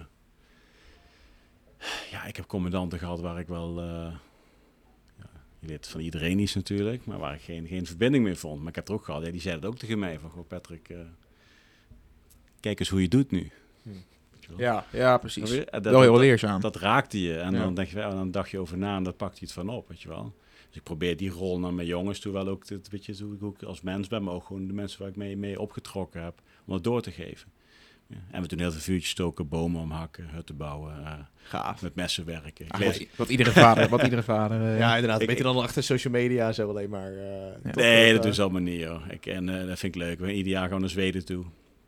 Al de vakantie, weet je wel. Ja, dat is fantastisch, weet je wel. Ja, oh, dat vind ik bazig. Ik Als, je kind van zes met vuursteentjes bezig ziet en een proberen een mes open, een vis open snijden, zo, ja, dat is mooi, weet je Ja, wel. dat is geweldig. Ja, dat is leuk. Ja, maar dat is echt, kijk, jij, jij zit echt te stralen hier. Ik vind het echt mooi om te zien. Maar je hebt nu ook gewoon de kinderen van zes jaar van andere ouders. Ja. Zullen vast niet allemaal eh, zo zijn, maar die zitten gewoon op de iPadje een beetje, een beetje te gamen en te spelen. En dan is dat toch prachtig om te horen wat jij met je, met je kinderen doet. Ik Ja, gamen doen echt, ze eh, ook wel, hoor. Tuurlijk, Tuurlijk, hoort er ook bij. Ja, hè? dat doen, Ja, ja. doen wij ook hoor. Maar ehm, ja, ik vind het ook mooi om te horen, man. Nee, maar ik vind, echt, ik eh, vind het zelf leuk. Kijk, en, eh, ik een mooi voorbeeld. De dingen die je zelf doet, dan creëer je ook een omgeving voor je kinderen. En die gaan er gewoon in mee. Ik bedoel, als ik eh, heel erg bier ga drinken en alleen maar op mijn telefoon zet, dan hoef ik niet uit te leggen als mijn kinderen 16 zijn.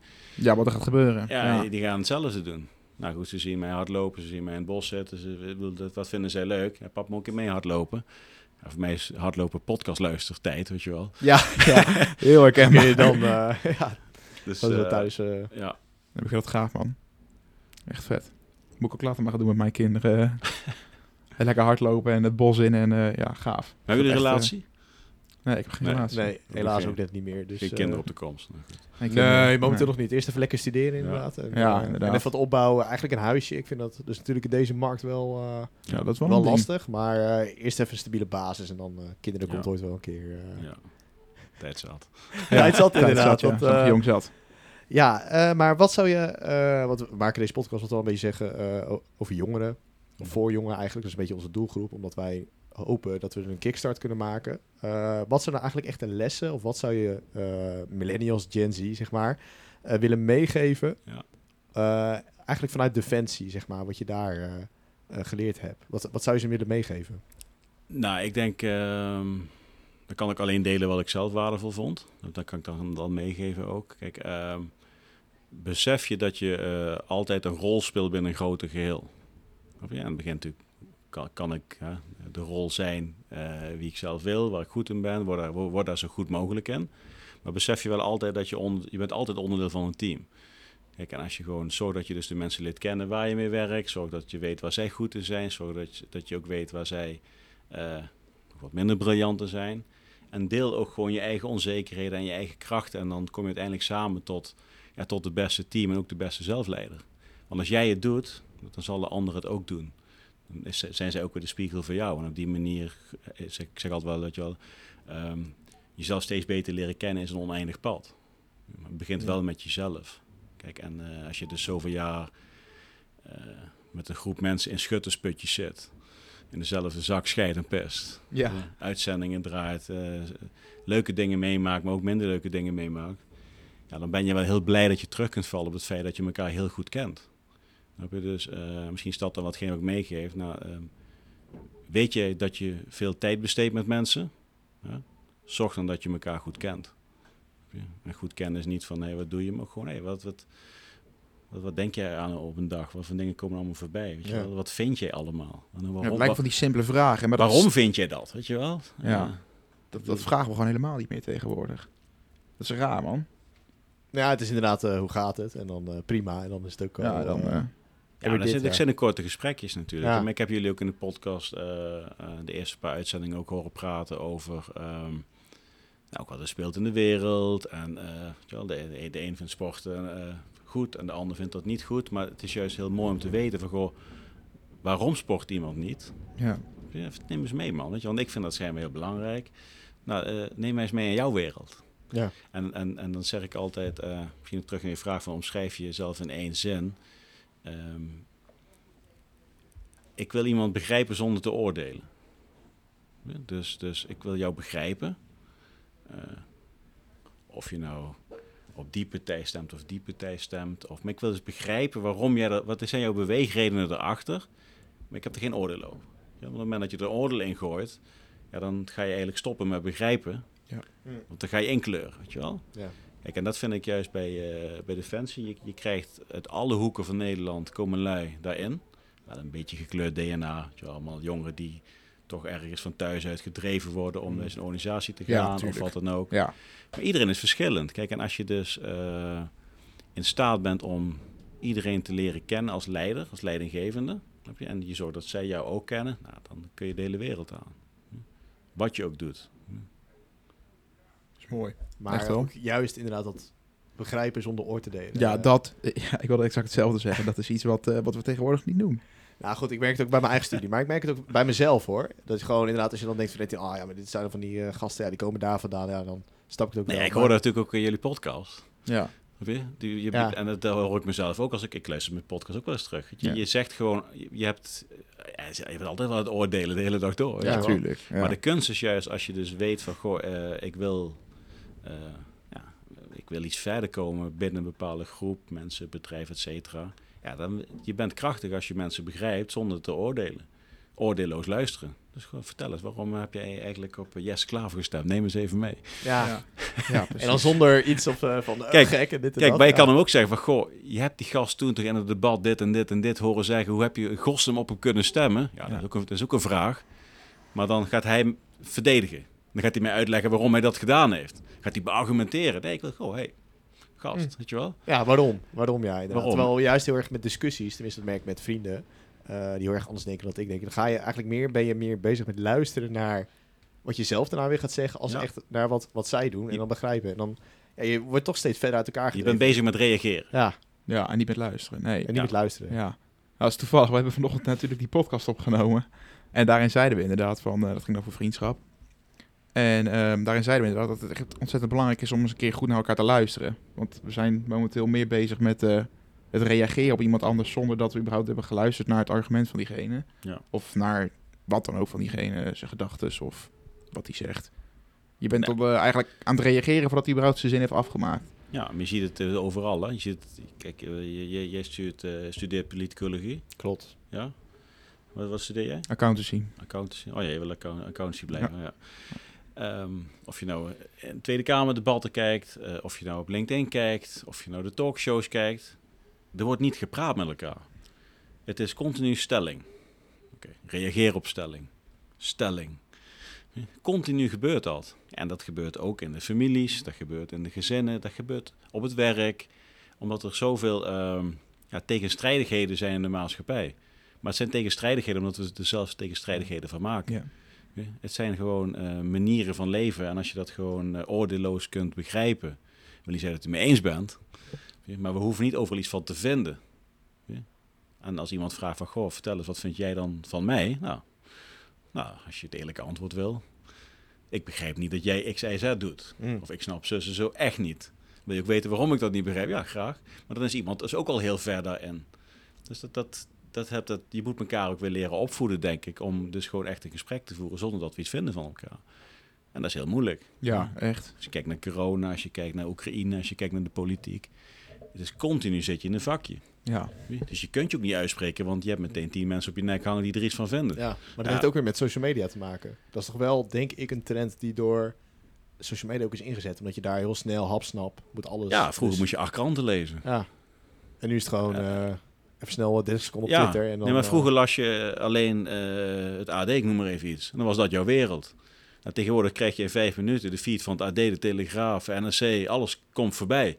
Ja, dat zijn nog steeds dezelfde kranten van vroeger. Alleen nu vind ik, ja, die lui van het NRC, wat die schrijven, slaat helemaal nergens op. Die schrijven al honderd jaar zo. Alleen je, je kocht die krant vroeger niet. Je kocht alleen de Telegraaf voor de sportpagina, weet je wel. ja. Alleen nou, we, we zien alles nu. En dat is ook mooi, want dan kunnen we ook van alles vinden. En dan kun je daar ook een beetje vergelijken. En dan, hartstikke goed, prima. Je? Maar we lezen het om af te schieten. Kijk, en eh, dat vind ik jammer. Ja. Van welke kant je kijkt, hè. Tuurlijk. Ja, nee, zeker. Dat 100%. Nou ja, goed, sowieso eenheid slash verbindenis, v- verbindingen. Ja, dat zie je bij Defensie, zie je dat natuurlijk wel heel erg, hè, dat broederschap. Maar de samenleving is dat eh, ver te zoeken. Helemaal momenteel. Ja, ja. Gewoon, het heeft corona Ja. misschien iets verstevigd ook, maar... eh, Nee, maar ook, ook Defensie. Ik bedoel, toen ik, eh, toen ik nog bij Defensie zat... nou, je, sprak, je sprak niet over politiek. Dat was helemaal niet. Je? De, de, je was gewoon, je was neutraal. Als militair. Nou, ik zie nou gewoon, alle militairen spreken zich over alles van links naar rechts, van boven naar onder, spreken zich uit, Ja. weet je wel. Ja, is prima, mij maakt het niet uit. Maar dat is echt wel een verandering gaande ook. Enerzijds is het ook de verandering van de generatie waar we het over hadden. Ik wil best militair zijn, maar hoezo mag ik dan niet op Twitter zeggen dat ik eh, die een eikel vind en die goed vind? Nou, prima, moet je doen, weet je wel. Maar het betekent natuurlijk ook iets voor zijn organisatie. Die discussies gaan dus door met je broeders, waarin je dus in, in, het slechtste geval uiteindelijk ook moet zorgen dat je eigenlijk voor elkaar staat. Ja. Dat zal wel goed komen. Je? Maar je ziet dan toch dat ook daar een, een eenheid die vanzelfsprekend was, steeds gekleurder wordt van wat we vinden. Ja, dat is wel een, iets waar je over na mag denken, denk ik. Ja, ja, zeker. Wat ook een kracht kan zijn. Hè? Want als je Mhm. op die manier dus inderdaad begre- begrijpend en ordeloos met elkaar kan praten, ja, dan ben je weer een stuk verder. Ja, Ja. dan sta je sterker als je elkaar echt Dan begrijpt. ken je elkaar ook op een ander niveau inderdaad. Dan, Ja. ja.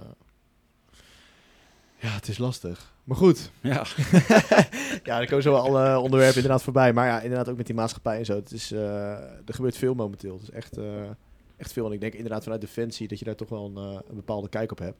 Nou goed, we zitten hier bij Six Star Leadership.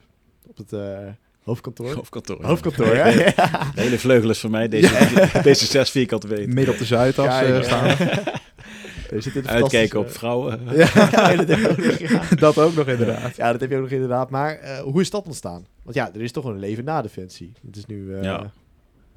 Hoe het, hoe het eh, naam ontstaan is en alles. Ja, gewoon echt bedrijf. inderdaad alles. En gewoon de visie. En eh, heel breed. Maar... Nou, ik ben eh 2008 ben ik eh, Defensie uitgegaan. eh, omdat ik... eh, ik had wat ambities, die kon ik niet wa- maar maken bij Defensie. En toen heb ik besloten om eruit te gaan. Ook door mijn omgeving. Die zei van, nou Patrick, ga eens gewoon wat meer kijken dan. Ik heb best wel veel meegemaakt tijdens de uitzending. Vooral mezelf leren kennen. Eh, dat er nog best wel wat rek zat in, eh, in Patrick, noem maar eventjes. Eh, dus ik ben toen eruit gestapt. Ik ben bij de telefoongids gewerkt. Ik ben advertenties gaan verkopen. Dus ik ging met zo'n dokterstas en pak aan, een stropdasje om, alles bij elkaar geraafd. Ging ik eh, advertenties verkopen bij loodgieters, bij advocaten, bij schillers, noem het allemaal maar op. Eh, keihard sales doen. Uiteindelijk ben ik bedrijfskunde gaan studeren. Want ik merkte van, hey, die Patrick, die, die snapt het wel. Die wordt teamlead, die wordt sales manager, wordt business unit manager. ging heel snel. En ik, ik, begreep het allemaal heel erg goed. Dus dat vond ik zelf in ieder geval toen nog. Eh, alleen de woorden en de talen en de sheets en de business eh, modellen, ja, had ik natuurlijk helemaal geen kaas van gegeten. Ehm, ik kon wel heel goed een route op elkaar tekenen en daar honderd man doorheen krijgen, maar bij een boardroom meeting praten over KPI's en sales, noem het allemaal maar op, dat was nog eh, nieuw. Eh ik ben gaan studeren. Uiteindelijk ben ik bij een aantal bedrijven eh, mooie leidinggevende functies gedraaid.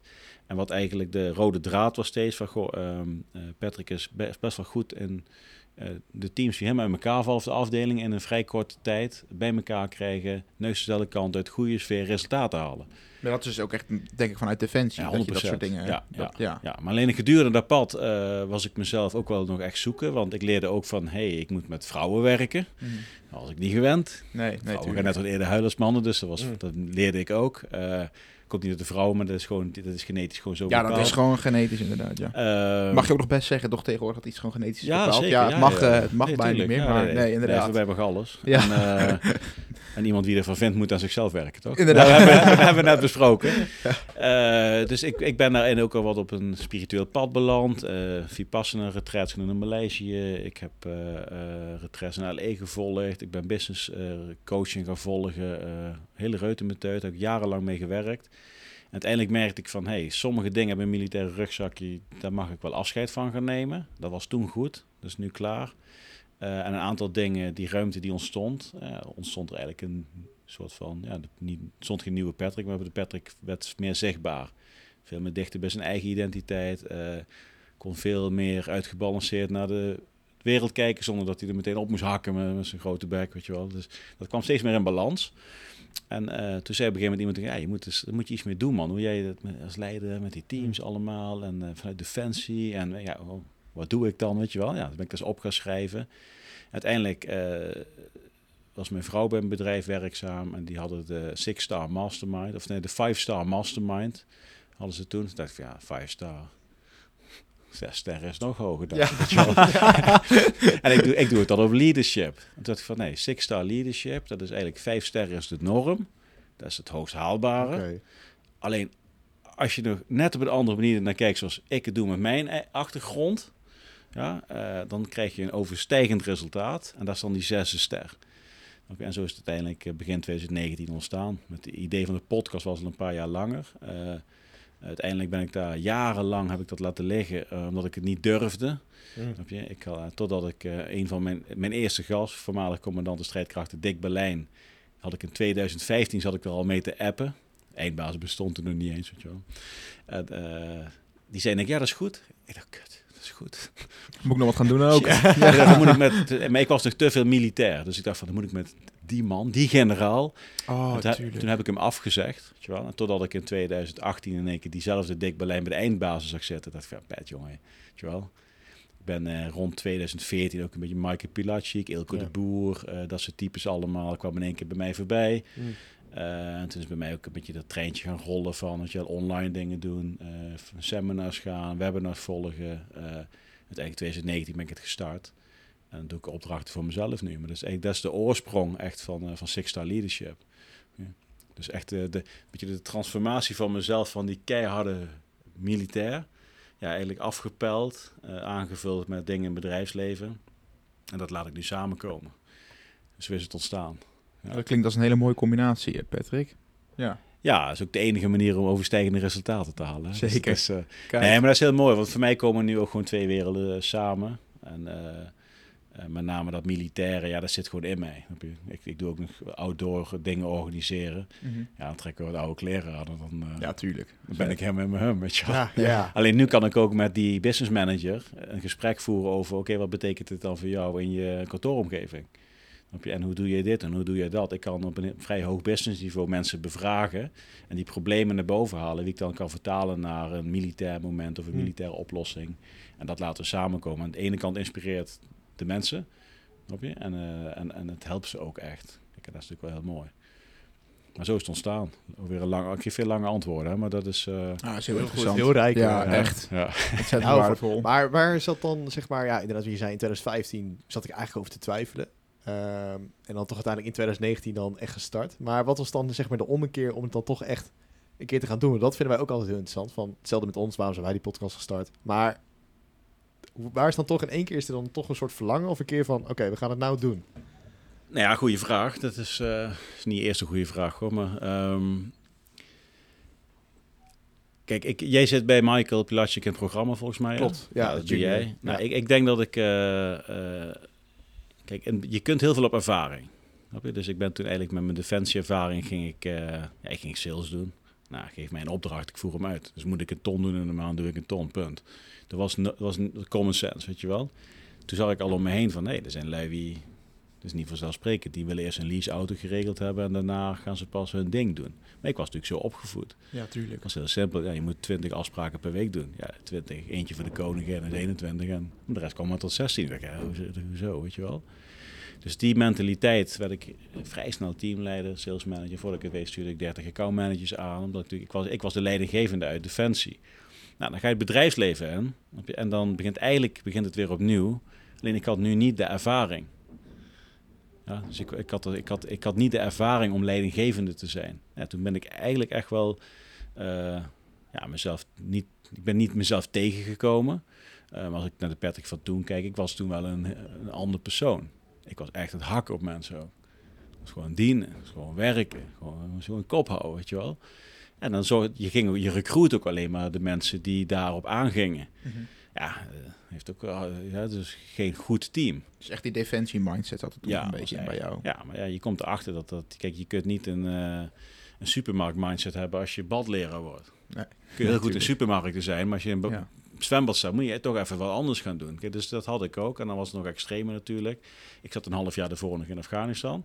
In één Ja. keer zit je eh, met een dokterspak eh, bij een schilder advertenties te verkopen. Ja. Kijk, en ehm, dus dat proces, uiteindelijk ben ik bedrijfskunde, psychologie gaan studeren. Tijdens die zoektocht kwam ik, ehm, volgens mij, de Eindbazen podcast was de eerste podcast die ik toen tegenkwam. Daar zat toen eh Wigert, eh, had toen met Michael Pilacic gevolgd. Die Ja. vertelde dat verhaal van Dan Peña. Uiteindelijk Ah, ja. kwam toen Ilko de Boer kwam erbij. Die ging dus vertellen over hoe je je business kon opschalen en al dat soort dingen allemaal. En eh, toen dacht ik van ja, hè, hier moet ik iets mee. Nou, dan ga je jarenlang luisteren. Hè? Dat doen we. Consumeren. Ja, hè? heel Ja. veel. Dus je bent dan, eh, ja, ondertussen krijg je wel kinderen. En dan, dus je bent ook druk met andere dingen in het leven. Je bent zo druk met zelfontwikkeling. Ja. Eh, alleen op een gegeven moment, toen kwam dus dat Dick Berlijn momentje. Noem ik het eventjes. Toen- Dat was voor mij echt een keiharde spiegel van, ja, zij gaan door.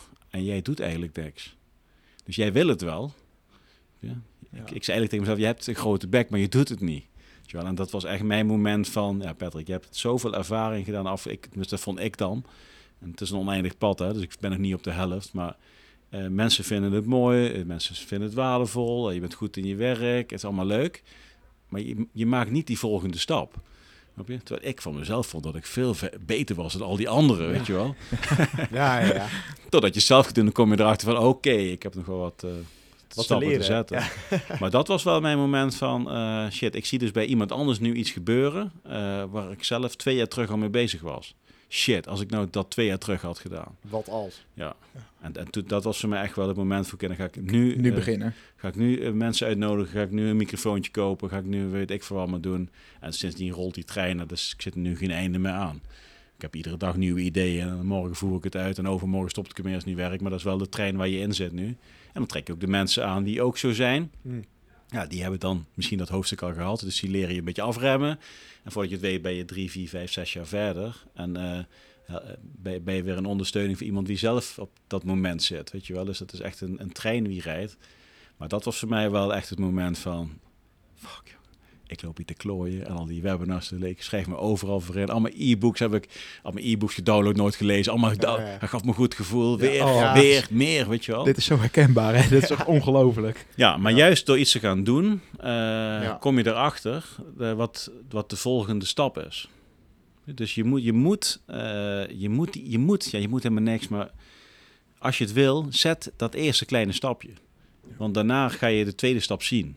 En zolang je dat eerste stapje niet hebt gezet, kijk je uit naar het eerste stapje. Alleen je weet nog niet hoe die eruit gaat zien. Voor mij was, heb ik ook tegen Dick Berlijn toen verteld. Ik zei, ja, je bent heel bijzonder voor mij. Jij was natuurlijk mijn commandant toen ik in Oeruzgan was. Hij was toen commandant de strijdkrachten. Dus hij zat altijd eh, bij de persconferenties en zo. Dus dat was één. Dat was ik bijzonder. Ja, ik heb heel erg tegen jou opgekeken toen. In 2015, shit, ik moet met die man in één ruimte gaan zitten. En daarna was hij eigenlijk ook de aanjager om, om uiteindelijk los te gaan, weet je wel. Wigert was bij mij dan laatst. heb ik ook tegen gezegd, ja, heel bijzonder, weet je wel. Dat, dat jij nou bij mij zit, dit is de achtergrond, zo is het ontstaan. Maar er zijn allemaal toevalligheden uiteindelijk. Maar Hmm. je moet zelfs het eerste stapje zetten. Ja. Ja, uiteindelijk komen de kansen komen wel, zeg maar. Maar want mensen zeggen ook altijd van, je hebt geluk. En eh, tenminste, dat heb ik heel erg van Michael. Heb ik dat, eh, De kansen zijn er. De kansen zijn je er, je ziet moet ze alleen niet. zoeken. Ja, Je ziet ze niet. ze moeten openbaar worden. Je ziet ze niet. Ja. Kijk, en door, door zelf, eh, eh, eh, als je iets heel graag wil, zeg ze van ja, als je het echt graag wil, had je het al gedaan. Het zijn allemaal one-liners, maar het is wel zo. Dus als je het echt graag wil en je zegt jezelf ja, ja wat, leidt jou dan om dan vandaag daar iets mee te doen? Weet je wel? Eh, ik, is dat geduurd tot mijn... Ik heb natuurlijk vrij lang bij Defensie gezeten. Eh, ja, de helft van mijn defensietijden is ook liggen landballen. Wel heel veel geleerd achteraf. Dus ik ben heel blij dat ik dat gedaan heb, weet je wel. Maar uiteindelijk denk je wel van ja, weet je wel, als ik echt stappen wil blijven zetten, moet ik misschien weer minder landballen. hè, Want slimmer nadenken. En je ziet hoe slimmer je nadenkt, wordt het ook allemaal wat makkelijker. Komt het wel meer op je pad, gaat het minder geforceerd. Waarom? Omdat het naar je toe komt. Je trekt het uiteindelijk naar je toe. Ja, en dan is het aan onszelf om te bepalen van goh, hoe beoordeel ik het? Is het iets wat ik iets mee wil doen? Prima, omarm het. Is het niks? Stop ermee, weet je wel. Ja, kan je Ook- het gewoon loslaten. Ook met mensen zo. En dat kan, dat kan heel respectvol en dat kan heel liefdevol. Je kunt prima tegen iemand zeggen van, nou ja, goed idee en eh, nee, dat doe ik niet. Ja, precies. Punt, weet je wel. Maar voor, voorheen wil je misschien helemaal gaan uitweiden. Ja, nee, maar ik zit zo, en misschien later, heel verhaal, weet je wel. Excuses, Het kost allemaal kracht, energie, weet je wel. Kijk, en dan word je gewoon dan wat, wat eh, je wordt er niet slimmer en ook niet handiger in, maar de, de- het proces gaat jou steeds meer begeleiden in de dingen die je zelf mooi vindt.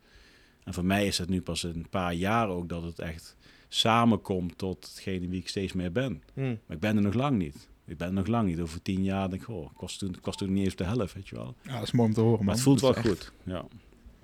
Ja. Vet. Ik eh, leer zoveel dingen. Ik denk dat ik nog meer leer dan de eerste vier jaar op de, op de middelbare school. Dat is echt serieus. Nou, maar dit, dit soort hele dingen- slechte docent. Ja. ja, dan krijg je alleen maar theoretische Daar ga ik verder maar niks meer op zeggen. maar- Ja, ja maar daar, dat merk je ook wel echt inderdaad bij middelbare scholen. en Zo, dat, daar is gewoon niks in. Dat is gewoon inderdaad domweg stampen. Maar juist dit soort dingen zijn misschien veel belangrijker om inderdaad echt te ondernemen. Eh, hoe, bijvoorbeeld ook met belasting en zo. Ja, dat krijg je allemaal niet geleerd. Dat is, Nee. eh, Nou, kijk, als ik als directeur van een middelbare school, dan zou ik gewoon jou ieder jaar eh, twee keer, eh, of bijvoorbeeld Mhm. zo iemand, zeg maar, jou als voorbeeld gewoon eh, laten spreken op, op een school. Ja. Daar legt die kinderen maar uit wat discipline is. En dat, het, eh, dat er veel meer in de wereld is dan telefoon. En dan thuiskomen en direct stampen aan huiswerk. Is ook heel belangrijk, hè? daar niet van. Of, ja, Nee, maar het- kijk, die kids die moeten al in een flow zitten waarin ze hun oncomfortabele, comfortabele pad kunnen volgen. Weet je wel? Kijk, en we stoppen ze natuurlijk in een, eh, in een traject eh, waarin we over het algemeen denken dat het goed is. Nou, prima, weet je wel. Eh, moet even, je vroeg van, van mijn kinderen. Nou, ik heb dit soort gesprekjes met die jongens, weet je wel. Ja, die, die van vijf en niet, die van zes, die snapt er helemaal niks van. Nee, tuurlijk. Kijk, maar die oudste die zegt, ja papa, komt hij weer met iets? Waar, waar heb je dat vandaan? Hij was op Jeugdjournaal. Ik zeg, maar veel van. Vind je dit nieuws? Weet je wel? Ja. Ja, eigenlijk is het niet belangrijk. Nee, inderdaad. Nee, precies. Ik zeg, maar dan mag je ook best tegen de meeste zeggen hoor. Beetje pitten tegenin. eh. Nee, maar kijk, kijk ik denk dat die, die, eh, jongeren in dit geval, of kinderen, of eigenlijk, eigenlijk iedereen, weet je wel, eh, door gewoon te kijken wat iemand teruggeeft, eh, weet je of je op de juiste dingen aan het doen bent. Ja. En als je als docent naar een klas kijkt en de helft is verveeld, ja, misschien moet je het anders gaan doen dan, weet je wel. Kijk, maar dan heb je het weer. Je moet wel de moed hebben om uiteindelijk een ander pad te Mm. volgen. Ja, dat is gewoon lastig in bepaalde systemen. Ja, ja, zeker in het schoolsysteem natuurlijk in Nederland is dat echt. Je hebt al een paar docenten die een beetje op een alternatieve manier lesgeven. En dan zie je ook dat die kinderen daar echt met plezier Ja. naartoe gaan. Ja. En dat, dat vind ik zo opvallend, dat je dan als school, of überhaupt als, als overheid zijn, dat niet ziet, dat soort dingen. Ja, Ja, maar ja, goed. Het, is, eh, het leven is complex, zeggen ze Ja. wel eens, hè. Maar is, is het dat ook? nou ja, het kan volgens mij heel makkelijk. Ja, toch? Maar eh, ja, wie ben ik om dat te zeggen? Ik bedoel, ik ben 19, kom op. Nee, maar of je nou 19 of... Kijk, ik, ik, ik vind wel dat je... Kijk, eh, of je nou 19 bent of 99, je hoeft niks te vinden van anderen. Nee, Maar je kunt wel delen wat je zelf vindt, toch? Oké. Ja. Kijk, en... eh, eh, kijk, wij kijken vrij weinig journaal thuis. Eh, dat doen we niet. Ja. Want de helft wat daar opkomt is gestuurd, gestuurde kennis, zeg maar. Kijk, en als je gewoon, als ik aan mijn, mijn zoontje vraag van, goh, wat vind je van de oorlog in de Oekraïne? Ja, dan komt dus het verhaal wat hij op het journaal heeft gehoord, Ja. dat, dat komt naar voren toe. Ja. Kijk, en eh, is dat... eh, kijk, de waarheid bestaat niet. Snap je? je hebt alleen je eigen werkelijkheid. Maar goed, ik denk wel dat je een beetje... Je kunt best wel de werkelijkheid in elkaars hoofd... eh, is ontzettend te sturen. Ja? En dan soms denk ik van... Ja, goh, moet dit nou in de kopie van de kids geprint worden? Weet je wel? Kunnen ook, kunnen ook andere dingen doen. Ja, hè? Denk ik wel weet je wel. Ja. Veel meer ook die positieve. Want eigenlijk is nieuws is echt één grote bron aan ja, maar positief nieuws, dat, dat, ja, uiteindelijk trekt dat minder aandacht. Dat is gewoon zo. Ja, Ja, is klinkt, het zo? klinkt heel bot, maar Is het gewoon... nou, het negatief nieuws, dat doet het uiteindelijk wel. Nou, het is meer, wat, wat is het nieuws wat we moeten kennen? Kijk, op het moment dat jij eh, eh, als Nederlandse defensie eh, voor 100 miljoen spullen naar Oekraïne stuurt. Even los van het feit of dat goed is, hè? Mhm. Daar, daar, daar is een podcast apart, denk ik. Maar dat doen we. Laten we dan op het nieuws zien dat het goed is dat we ze sturen... of laten we zien dat het eigenlijk niet nodig is? Ja. Dus, dus ik bedoel, Ja. We laten het volk dan ook zien dat het, het goed is dat we het doen, Ja. toch? Want dat Ja. zijn hun belastingcenten. ja, dat, dat is Dat is common sense, weet je wel. Dus we, we gaan niet continu dingen doen die haaks zijn op hetgene wat we aan het volk laten weten. Dat gebeurt gewoon. Kijk, dus de mensen die de keuze maken om, die om dat materiaal te sturen, nogmaals, dat dat goed of niet, dat doet er even niet toe. Mhm. Ehm, ja, die hebben er wel belang bij dat er in ieder geval wel een beetje in de wereld gepompt wordt dat dat het goed is. Want er, anders dan staan ze in Polen aan de poort, weet je wel. Zoals wij nou dit niet doen met z'n allen met Europa, dan staan ze binnen twee weken staan ze in Berlijn. Dus we moeten wel. Want Poetin is slecht, weet je wel. Dus ja, oké, dat snap ik. Maar dan moet het journaal, alles, de krant, is natuurlijk wel het medium waarop de mensen bereikt worden op dit moment. Mm. Kijk, dan heb je natuurlijk een politieke minderheid in de Kamer. Daar wordt natuurlijk al weerstand geboden. De helft kijkt er toch niet naar. Snap je? Dus dat is het narratief wat. Maar dat, wordt, dat komt ook bij de kinderen. Ja? Dus kinderen willen direct waarschijnlijk zelf het leger in. Snap je? Omdat anders eh, de wereld in de kloten gaat. Ja, ja, ja. Dat is dat is wel, maar dat is wel echt het... Maar dat is ook van alle tijden. Dat is ook van alle tijden. Ja. Kijk, en ik had Tom Middendorp dan hier. Die is dan klimaatgeneraal. Was een boek staat hij ja, ik mij. zie het daar staan, ja. Ja, ja. kijk, die, eh, die is commandant de strijdkrachten geweest. Die, eh, ja, die, die, die man die snapt het wel. Ehm, maar op een gegeven moment vraag ik ook, hè, dus hij, hij schrijft dan over de klimaatproblematiek in de wereld. Dus daar hebben we het niet over hoe het ontstaat. Hè. Daar zijn ook allemaal, dus laten we dat even loslaten. Mhm. Uh, ervan uitgaande dat het klimaat verandert. Ja, Hoe weten we dat? Nou, eh, er zijn gewoon dorpen die eh, regelmatig overstromen, voorheen niet. Ja. Dus dat er meer regen valt. Dat ze zeggen, dat voor mij is dat een no-brainer. Eh, of dat dan komt door we wel of niet een elektrische auto hebben, dat is weer een andere discussie. Mm. Maar die man heeft hele mooie innovatieve dingen in de wereld gezien. waardoor we dus gewoon op plekken waar het gewoon lastig leven is op dit moment, weer ja, best in staat zouden kunnen zijn om daar gewoon voor water, voor groen, et cetera allemaal. Dus ik vraag hem, is er niet ergens een website of iets waar we kunnen zien waarin we dus de innova- innovaties die dus ook gebeuren, dat dat bekend is, weet je wel? Nou ja, dat weet ik eigenlijk niet. Ik zei, nou, ik zei, daar hebben we CNN voor de ellende. En dan beginnen we gewoon een kanaal waarin we ook dus de positieve dingen kunnen zien. Dat, dat die bestaat dus gewoon niet. Nee. Dus we hebben wel honderd kanalen waarin we iedere dag laten zien dat de wereld in de kloten gaat.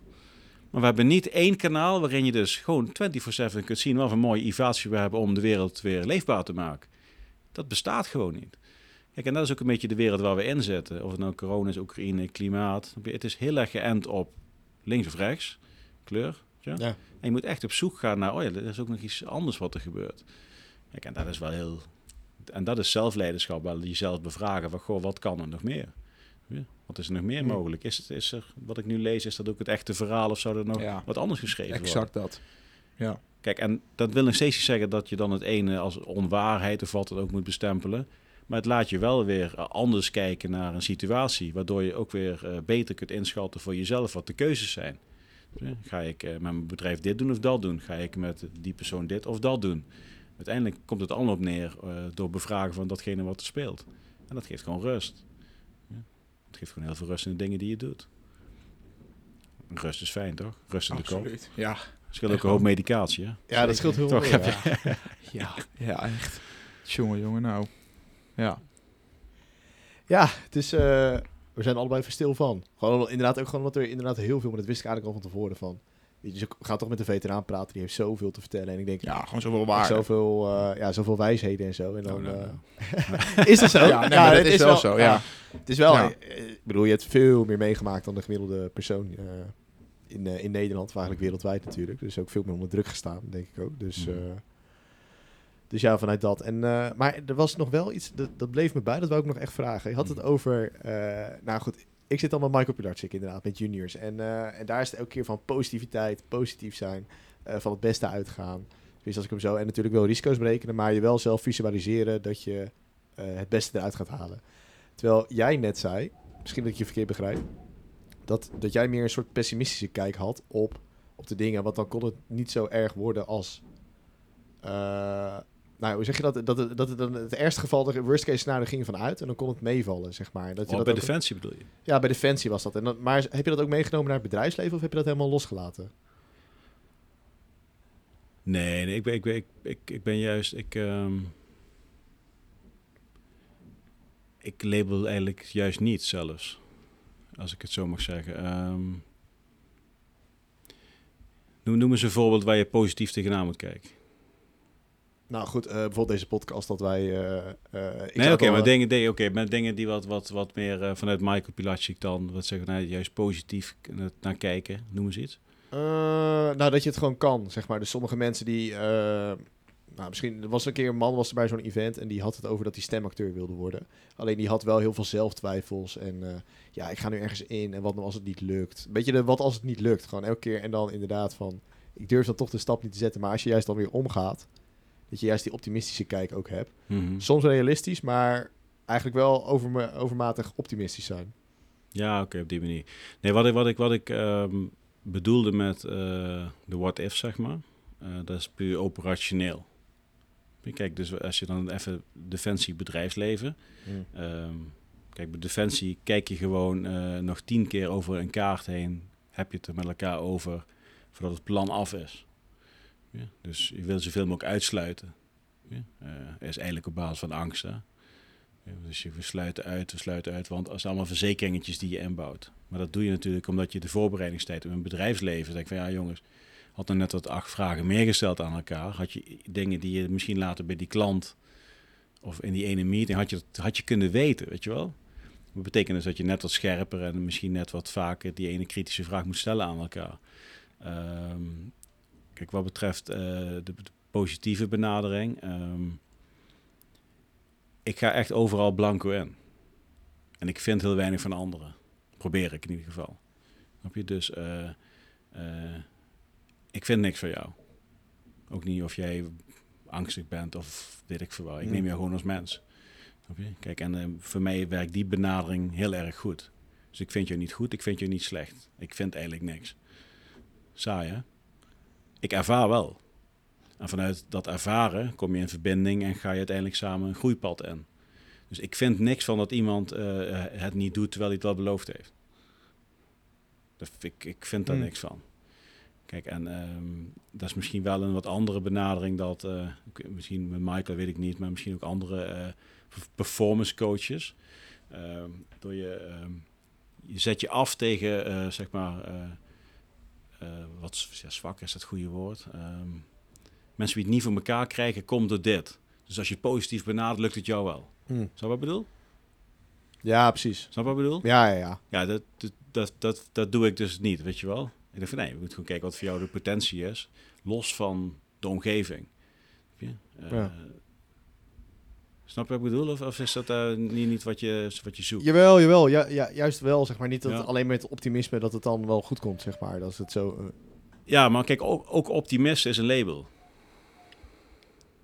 ja, oké. ja. Snap je wat ik bedoel? ja, ja, ja. Kijk, de- dus, eh, ehm, kijk, op het moment dat jij, ehm, eh, ja, ik ga heel goed bij optimisme. Oké, maar dat, dat betekent dus dat je dus heel slecht gaat bij negativiteit. Ja, dat is dus iets waar je aan moet werken. Want het mag niet zo zijn dat jij hier wel op gaat en daar niet op gaat. Je moet gaan op datgene wat uit jezelf komt. Je moet je niet optrekken aan anderen. Want wat is goed? Kijk, wat in jouw ogen dus goed is, eh, is in de andere ogen misschien iets wat niet goed is. Dus, maar vanuit jouw referentiekader trek je je op aan iets. Maar je referentiekader is 9 van 10 keer is gekleurd door je verleden. ja. Dus je trekt je niet per definitie op aan de juiste dingen. En daarom je- ga jij dus overal blanco in, in principe. Omdat... Ja, dat probeer ik wel. Lukt het altijd? Nee. Nee, tuurlijk. Kijk, maar, maar als je dus zegt van... eh, kijk, in de kern heeft iedereen eh, vanuit zijn optiek de juiste intenties... en heeft hij een reden waarom hij niet vooruitkomt... Ja, eh, dan hoef je daar niet meer over na te denken. Dan hoef je daar ook niks van te vinden. Het enige wat je kunt doen van... Goh, ik, ik, ik, ik, ik neem dit waar, klopt dat? Eh, ja, klopt. Ik loop inderdaad te klooien en ik ben angstig en ik ben niet vooruit te branden... en eh, ik word helemaal verdrietig, et cetera, et cetera. Heel goed. Nou, ik herken dat. Kan ik je wat ervaringen delen? Snap je? Maar het is niet zo van, oh, ik zie hem dat doen, wat moet ik dat doen? Want anders word ik net zoals hem, weet je wel. Dat zie je natuurlijk vaak bij jonge ondernemers, trainingen zeg maar. Nou, we hebben de groep losers. En wij zijn de winnaars. Dus wij gaan dit doen. Ja, zet je af tegen de groep. Terwijl zij een hele goede redenen hebben waarom zij daar zijn waar ze moeten zijn. Zij zijn daar. Hm. Wel, Daar hoeven wij eigenlijk niks van te vinden. Kijk, en dat is ook eigenlijk een paradigma in de maatschappij. Met alle goede bedoelingen. Snap je? Je wilt succesvol worden door je af te zetten tegen een andere groep. Ja, ja Want dit, zo eh, wil je niet zijn, zeg maar. Tenminste, zo... Ja, Ik, ik ken dat wel. Je gaat, kijk, ook als leider, kijk, wil je een team winnen? Wat doe je dan? Nou, dan zeg je van, nou, kijk, hun is, Ja. wij gaan het anders doen. Yes. Moeten wel even beetje gaan doen hoe ik het voor ogen heb. Maar daarna zijn wij de beste van Nederland. Ja. Nou, geloof me, dat lukt je. Alleen, het gaat wel ten koste van een hele groep andere gasten. Ik heb dat jarenlang ook gedaan. Dat ik, nou, als ik mijn eh, medecommandant een beetje klein maak, ten opzichte van mijn groep, maak ik mezelf groot en dan kan ik excelleren met mijn team. Ja, dat werkt, maar voor het grote plaatje werkt dat niet. Nee. En je krijgt hem ook terug op een gegeven moment. Dus kijk heel erg naar jezelf in dat geval. Wat jij kunt doen zonder dat, dat je die omgeving hebt. Ja, en dat is heel moeilijk, hè? En ik weet ook wel van, ja, het is soms ook wel eens lekker om naar iemand te kijken van, ah, je wel. Kijken hun daar, zeg maar. Ja. Ja, wij hadden het pas in een eh, podcast. Motivatie was dat volgens mij. Hadden wij als tip toen meegegeven. Nu denk ik weer van, hmm, hadden we dat toen moeten meegeven? Ja, dat is de enige die ik niet geluisterd heb. Oh, kijk, ik dus dan zou ja. dat, eh, dat zou dat zijn. Maar dan hadden we mo- motivatie hadden wij het over eh, de, dat je jezelf moet eh, kijken. Stel je haalt je doelen niet, hoe je dan gaat zijn. Eh, dus stel, ik, we hebben bijvoorbeeld een, eh, een, een doel om eh, te gaan sporten. Nou, laten we sporten erbij pakken. Hoe zou ik eruit zien als ik dan niet, oh, dat ben ik zoals zij. Zeg maar, dat, ik denk dat wij dat ook gezegd hebben zo in die podcast. Ja, interessant. Dus, en dat wij, Ja, ja, ja. en dat wij toen zo dachten van... Maar dat ik nu eigenlijk denk van ja, maar dan geef je een soort van inderdaad oordeel weer. Terwijl dat niet eens per se slecht hoeft te zijn. Alleen, Nee, nee, ik zou hem omdraaien daarvan. Gewoon, kijk eens wat ik word. Ja. Ja, Nou, met, Dat is met- een mooie. dus, dus kijk, eh, maar dat is omdat het, dat is veel liefdevoller naar jezelf. Eh, Dan gaat het echt om jou, weet je wel. Dus als ik eh, dit ga doen, als ik iedere dag honderd keer ga opdrukken, nou, dan zie ik zo voor me dat ik eruit ga zien. Maar dat, laat je ook met ze visualiseren. ja zeg zeker. maar. Alleen pijn werkt vaak eh, beter voor de mens dan, dan, dan, dan de beloning, zeg maar. Ik wil zo niet worden, dus laat ik het maar gaan doen. Ja, snap ik. Alleen dan heb je nog wat werk te verrichten. Want schijnbaar heb je pijn nodig om, om, om iets te gaan realiseren. Terwijl juist het toekomstbeeld zou jou moeten triggeren om daar naartoe te willen werken. Dus Ja, goed. maar ik denk dat het ook wel toen in die context was van... Stel je hebt iets minder motivatie of iets minder discipline... dat je dan eh, je, je hebt inderdaad, je moet niet vanuit van ik wil niet zo worden, maar ik wil zo worden. Dus echt in het positieve. Maar dat je dan soms om net even die motivatie toch te krijgen, omdat hij Ja. dan even iets opbreekt. Of Maar zeg je dan ook eh, zoals hij? Heb je dan iemand in je hoofd? eh, Mm, nou, ligt eraan per, per situatie. Kijk, met sport of zo niet echt, denk ik. Ik weet niet of jij dat hebt, Lucas. Maar Ja, ik, ja ik, ik kan er gewoon heel eerlijk in zijn. Ik heb dat af en toe wel. Ja, ik heb dat ook hoor. ja, ik denk, Nee, ik denk tuurlijk, ook wel ja. bepaalde Ja. dingen. ik heb ook vrienden die al tien jaar niet meer hebben gesport en die zie ik af en toe. En dan denk ik van, oh, nou, goh, gewoon blijven sporten, als we ook net zo zijn, weet je wel. Ja. Ja, dat, dat dus. Ja, dat, dat ook bijvoorbeeld... Maar gezond Maar dat is natuurlijk heel, oor- heel, Ik heb heel oordelend is dat. Ja, Ja, Want, want dan, dan zeg je dus inderdaad, oh, dat zeg je trouwens met die sport, eh, zeg jij ik dat zou met sporten, ja. Ja. Met eh, mensen die op de bank zitten. ja, Nou, dit- maar dan ga je er dus vanuit dat, dat, dat jij beter bent dan hen. ja. Ja, terwijl, terwijl misschien in hun wereld is, is dat wel perfect, hè?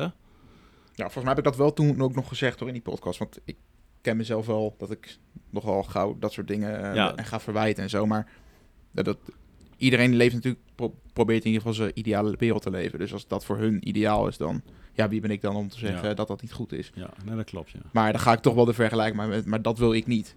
En dan dat, dat wat hun doen. Dus dan Ja. trek je toch Maar weer... woord, maar het woord niet, het universum kent het woord nee, niet, niet, hè? nee, precies. Ik, wil, ik wil anders worden, zeg maar. Dat, dat Ja. moet het dan dat meer is ook met zijn. affirmaties en zo inderdaad. Ja. Je moet niet altijd... eh Dus eigenlijk zeg je, dat wil ik. Ja, Dus jij wil ook op de bank zitten. ja, dat, dat, dat absoluut dat wil je toch ook. Lucas? Ach, Eigenlijk het liefst wel. Ja. Kijk, als je gewoon afgetraind kan zitten en lekker op de bank, nou ja, prima. Dat zou iedereen wel doen, maar eh offers. Ja. Ja. Goed, Ja, laatste vraag. Waar gaat eh, Six Star eh, Leadership? Waar, eh, waar ga je de komende tijd naartoe? Met je bedrijf? Zijn er plannen? Zijn er dromen? Zijn er, eh, stars. Nee. Komt Nee, een zevende we, ster nee, bij. we, zijn, ehm, kijken, we hebben op interim management best wel een mooie portefeuille opgebouwd. En we zijn ook steeds meer eh, individuele en groepstrajecten aan het, eh, aan het opstellen nu. Die draaien ook al twee jaar nu, dus dat is heel erg leuk. Het is eigenlijk een verlengstuk wat ik voorheen met de teams in het bedrijfsleven deed, doe ik nu echt onder het label Six Star Leadership.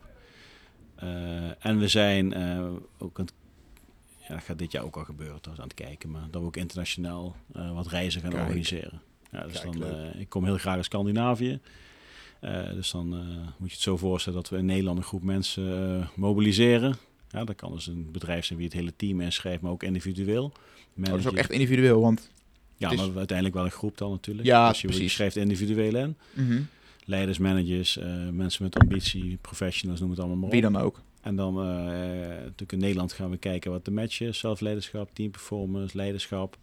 En dan gaan we naar Zweden toe in dit geval. En dan gaan we daar enerzijds outdoor dingen doen, maar ook goede gesprekken voeren. eh training die ik in Nederland geef, in die omgeving gaan we dat dan doen. Dus dan denk dan, nou, je gaat met je groepje een plan maken hoe je dus eh 24 uur moet gaan ijsvissen. Noem maar even iets, weet je wel. Jeetje, wat gaaf. Kijk, en dan, eh, dan kom je jezelf daar tegen, maar je hebt wel een fantastische ervaring. Mm. Snap je? En we uiteraard dat sluit af met kampvuurtje, drankje, mooie gesprekken. eh, mooie locatie, maar ook een nachtje een onderkomen bouwen. Ja, tuurlijk. Ook wel een beetje die, dus ja, comfortabele. ja, dus we gaan ook wel eens met de snowscooter op pad, maar we gaan ook een iglo bouwen. Snap je? En dan steeds komt zeg maar dat stukje leiderschap, zelfleiderschap, samenwerken. Dat laten we dan terugkomen. Kijk, als ik het dan voor bedrijven doe, eh, dan, dan zit er vaak al een voorprogramma binnen de kantoormuren, zeg maar. En dan trekken we de, ja, de opdrachten door tot in die omgeving. Kijk, en individueel is dat vaak een intro-sessie en dan gaan we die kant uit. Maar dat is wel iets wat de komende jaren echt wel eh, En hoe moet ik dat los mag gaan. Ga je dan eh, gewoon voor een paar weken of zo dan naar Zweden of een week of hoe... Nou, als mensen een jaar met mij naar Zweden willen, kan dat. Nou ja, eh, hè, een jaar iglo's nee, bouwen. maar je moet, je eh, moet dat zien, vrijdags en vliegen, donderdags terug, weet je wel. Ah ja. of zoiets. En dan eh, ben je vijf dagen echt daar eh, heel actief. En dan sluit je af en heb je in Nederland nog een terugkomdag met de groep. Maar je bouwt ook een heel mooi netwerk op. Ik heb zelf natuurlijk een redelijk groot netwerk. En zo koppel je eigenlijk ook de juiste mensen weer aan elkaar. En eh, ja, dat is gewoon heel waardevol. Ja, inderdaad. En, en er zijn natuurlijk wel meer militairen of ex-militairen die eh, soortgelijke eh, initiatieven hebben. Heb je alleen ja, in dit geval, eh we laten echt heel erg het, het DNA van Defensie, maar ook gewoon ja, echt het business management laten we terugkomen. Wat, zijn je, wat zijn je business vraagstukken? Wat zijn je strategieën voor je organisatie? Wat heb je nodig? Waar loop je als ondernemer tegenaan? Snap je dat je op die manier nou, eigenlijk het leuke met het eh, waardevolle kunt combineren? Dus dat, is, eh, dat gaat hem worden. Er zit genoeg in de pijplijn in ieder geval. Ja, Gaaf, zeker. man. Genoeg Ja. ambitie. Ik ga het wel gaaf, volgen. Ik gaat het echt voor. Ja. Schrijf je een keer in. Ja, ik wil het keer zeggen. mee, ik, denk dat, jongens, eh, ik denk dat ik misschien wel een keer Teambuilding vanuit ja, eh, echt. Vita Studia. Ja, Vita ja, Studio eh, Teambuilding, ja. Ja, de, de geluidsmannen doen het goed. Ja, Ja. ja. Ja. Dus, eh, nou, ik... eh ja ik denk, ik Ik, ga dat wel, ik ga dat denk ik Gaan wel we eens even kijken. Ja. Waar, kunnen we meer informatie? Want er zullen vast mensen geïnteresseerd zijn. Ja, sixaleadership.com. Dat is, er staat ook een heel mooi promo-videootje van, eh, van mij en het bedrijf. Eh, dat is leuk. En, Het is eh, net online gekomen ook, volgens mij. toch? ja. Het is net online. In september komt er ook een nieuwe website. Dus mensen die hem na september 2022 Ja. kijken, luisteren, dan is hij al nieuw. Is, is je misschien alweer oud? Misschien is het 2030 voor diegene nu, dat weet je niet. Ja. Nee, maar we merken wel, we hebben de afgelopen jaren heel veel gewerkt aan het vormgeven, aan het opbouwen van klanten. Dat is, is heel goed gegaan. En nu moeten we echt gewoon doorpakken met Ja. kwaliteit en eh Excelleren. excelleren. Ja, Ja, puntje echt heel goed. Lucas, jij nog een vraag? vet. Ik heb geen vragen meer. Ik Nee, ben sprakeloos, geen, eh, eh, zo'n beetje. Ja, nou, er zijn in ieder geval genoeg... eh, als we het over levensstudies hebben, dan eh ja, er nee, genoeg echt. studiepunten inderdaad om ook over na te denken. En eh, om zeker mee te nemen. Ook ja, inderdaad voor de jeugdigheid. Maar ook vooral dat... Inderdaad, dat oordelen. Dat is wel een beetje... Net wat ik een beetje als laatste Ja, besef heb, oordelen ja, is voor mij echt even een reality Dat is toch man. altijd van... Ja, we willen niet oordelen en zo. Maar dat, ik denk dat je toch automatisch meer doet dan... eh, Ja, Wat ik, wat ik zelf altijd deed toen ik net ging podcasten, ging ik mijn eigen podcasten terugluisteren. Ja. En iedere keer opschrijven, hier oordeel ik, hier oordeel ik, hier oordeel ik. Ja, je blijf je, blijf je schrijven. En dat is helemaal ik, niet erg, hè? Want dat is sowieso. Dat is prima. Dat doen we allemaal. Maar dat is wel, wel like, oh ja, hier gaat het om iemand anders, hier gaat het om iemand anders. Hier gaat het ook om iemand anders, om mijn eigen ego te vullen, weet je wel. Mhm. Ja, dat is wel jezelf een soort van boven misschien... eh, Ja, ja, Ja. ja. Kijk, je wil je, on- onbewust wil je heel graag eh, gezien worden. Maar het begint ook vaak bij jezelf, weet je wel. Je wil jezelf graag zien, zeg ik er wel eens. En door, door jezelf graag te zien, ga je anderen weer Ja. ga je vervinden, weet je wel. Ja, misschien wat ik eh, gedaan heb. En eh, als ik naar anderen kijk, als ik dan naar anderen kijk, die hebben dat ook geprobeerd, is dat niet gelukt, weet je wel.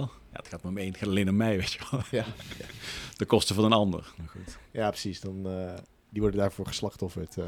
nou, ja, er is mij niks meer te zeggen dan eh, bedankt voor je tijd, eh, Ja. Patrick. Ja, superleuk. Echt voor de inzichten. Het is echt... eh, Hoe lang hebben we gekletst? eh, even kijken hoe lang we nou zitten. We zitten nu op 1 uur en 36 minuten. Oh, prima tijd. Dus dat, Ja, eh, dus dat is hartstikke leuk. Dus leuk. eh, ja, super bedankt Super voor je tijd, waardevol. voor je inzichten. En eh, en ja, ook voor, voor jou als luisteraar ook eh, bedankt voor het... eh, Bedankt voor het luisteren weer. inderdaad. Zeker. en eh, ik zou zeggen, tot volgende week. Tot volgende week.